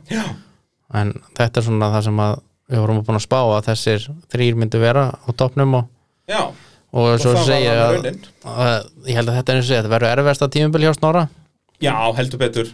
Sem En að, ég meina við sögðum það nú, þú veist, 2016 af þeim fjórum sem hann keftið var 2016 erfiðast og þá Já, var já. hann allt, þannig að þetta er bara hann er svona eins og Lewis Hamilton í formúlinni, bara þegar pressan verður meiri að þá verður hann betri. Já, já, en ég held að hann, hann þetta er náttúrulega bara fyrsta keppni og, og hann er alltaf eftir að venjast bílnum betur. Já, Algjörlega. Uh, Guðmundur Óteminu, við þurfum að ræða hann líka, hann var eini fyrir utan þessa tvo þarna sem að kláruðu og hoppaði þar með upp í fjórðasettið á undan ásmundi og bara magnað að vera gaman ef hann held, ef þeir halda Óteminu í lægi þarna, að þá getur Guðmundur alveg verið átsætt sjótt að vinna titil. algjörlega, hann náttúrulega eins og sé, hann var á blöndósi þá hann gekk mjög vel og hann hefur bara eitthvað hann alltaf búin að vera að keppa lengi í motorsporti hefur nú, þótt hann sé nú hvað, bara 20 ára eða eitthvað svoleiðis. Tvítugur bara, hann verið 21 í haust. þannig að eh, ég held að ef bílinn í lægi þá og hann alltaf að kera vel þá er hann alveg til að ná palli í sumar sko. Já, leikandi, leikandi. Og svo verður nú gaman, ég held að hann ætla að keppi rallinu líka, kannski er rally Já, alveg rétt, hann, hann var búin að kaupa já, Íslandsmeistara bílinn í non-turbo frá Ég heldur betur, mætir í AB varalutaflokkin og bílum að síðvars og, og hann getur gert eitthvað rósir þar, þetta verður bara intóm Það er hann kannski að mæti rallykursi líka. Já, þá verður þetta orðið ansi stíft program, sko. Það en ég meina, hvað ætlar hann að gera? Hann mætir vandalega ekki í fyrstu fyrir Íslandsmötsins í rally og það er tólfara sama tíma Það, er rally þá- fjórða og fymta júni Já, þá getur alltaf líka bara tekið það bara torfer og lögati og rallykursi á sunnudegi. Já, það er náttúrulega þægilega að vera í bæði sko, út af þá er, út af rallycross er alltaf á sunnundugum sko. Þannig að um að gera hann hjóli það, ef við rennum síðan létt yfir stöðunni í Sigurbúnaflokknum þarna eftir Guðmynd í fjórðasættinu, þá kemur Ásmundur 5. Sigurður Ingi 7. Þórður Alli nýliðin í 7. sætti svo í 8. sætti Páll Jónsson 9. sætti Jóhann Gunnlaugsson á Thunderbolt og 10. og síðasta stegasættinu er Ingvar Jóhannesson, svo eru þeir hérna út úr stegum Gerjavert, Daniel Gunnar, Aron Ingi og Svanur Örn En, en veistu hvað gerist fyrir ása í mýrinni? Mist hann, Ég veit það ekki, þú veist, Þórður allir var ennþá í einhverjum vélarvandræðum, heyrðist mér á, á sem sagt, bara hljóðunum í bílnum eftir ána. og því ásin er bara fyrir yfir fyrirlutan svo einhvern veginn er svo hann hætti bara hvort það sé að stýra það fari líka eða, Ég bara hreinlega þekki það ekki.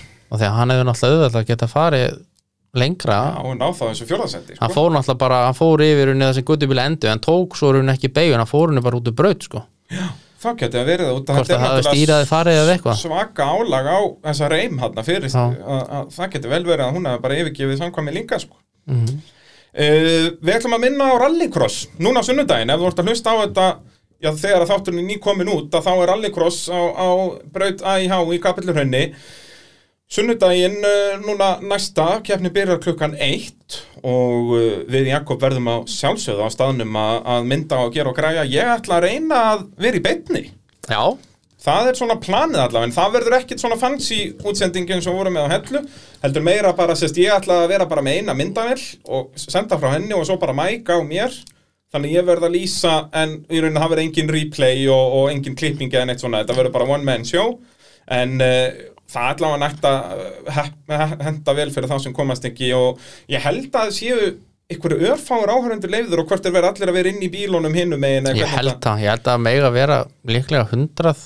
Já. ég veit nú ekki nákvæmlega hvernig það er en, þeir þurfa held ég að vera inn í bílunum allan tíma Já, akkurat, þannig að þetta gæti orðið eitthvað svona, já, ekkert, ekkert frábært en þá er eins og, eins og ég segi kannski gott að geta hort á streymið bara og þetta verður, þetta verður nú ekkert svona fancy hef ég þetta bara í opinni dagskrá, ekkert að rukka inn á þetta. Og hvar verður það? Ætli skelli því ekki að byrja inn á motorsport á uh, Facebook, facebook.com skástrík isl motorsport og, og kannski á YouTube líka og eitthvað, við bara, ég deil einhverjum linkum á því, þannig að fylgist þið bara með á Rallycross áhuga menn á, á Facebook uh, er þetta ekki komið ágætt hjá okkur, við erum búin að bladra hérna bara í næstu í tvo tíma, Jakob minn. Já það er, þegar maður er að tala um torfæri þá getur maður alveg tala bara þess svona í 5 klukkutíma sko. Já, það er rétt, sko, og vonandi við höldum þessu bara áfram í sumar, alltaf eftir alla keppnir að gera upp keppninar hérna í mótavarpinu um að gera.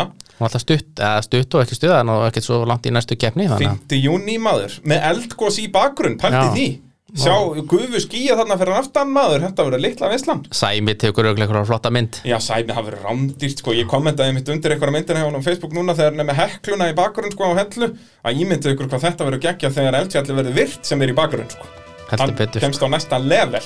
Uh, Bræði Þórðarsson þakkar kærlega fyrir sig. Uh, Jakob Sessil takk kærlega fyrir að koma. Bara takk, gæla og þetta var að sjálfsögðu í Nóa Sirius stúdíói podcastaðurinnar í bóði Ólís bílapunktins tækjaflutninga Norðurlands, Bíljöfurs og AB Varahluta þá til næst, bless bless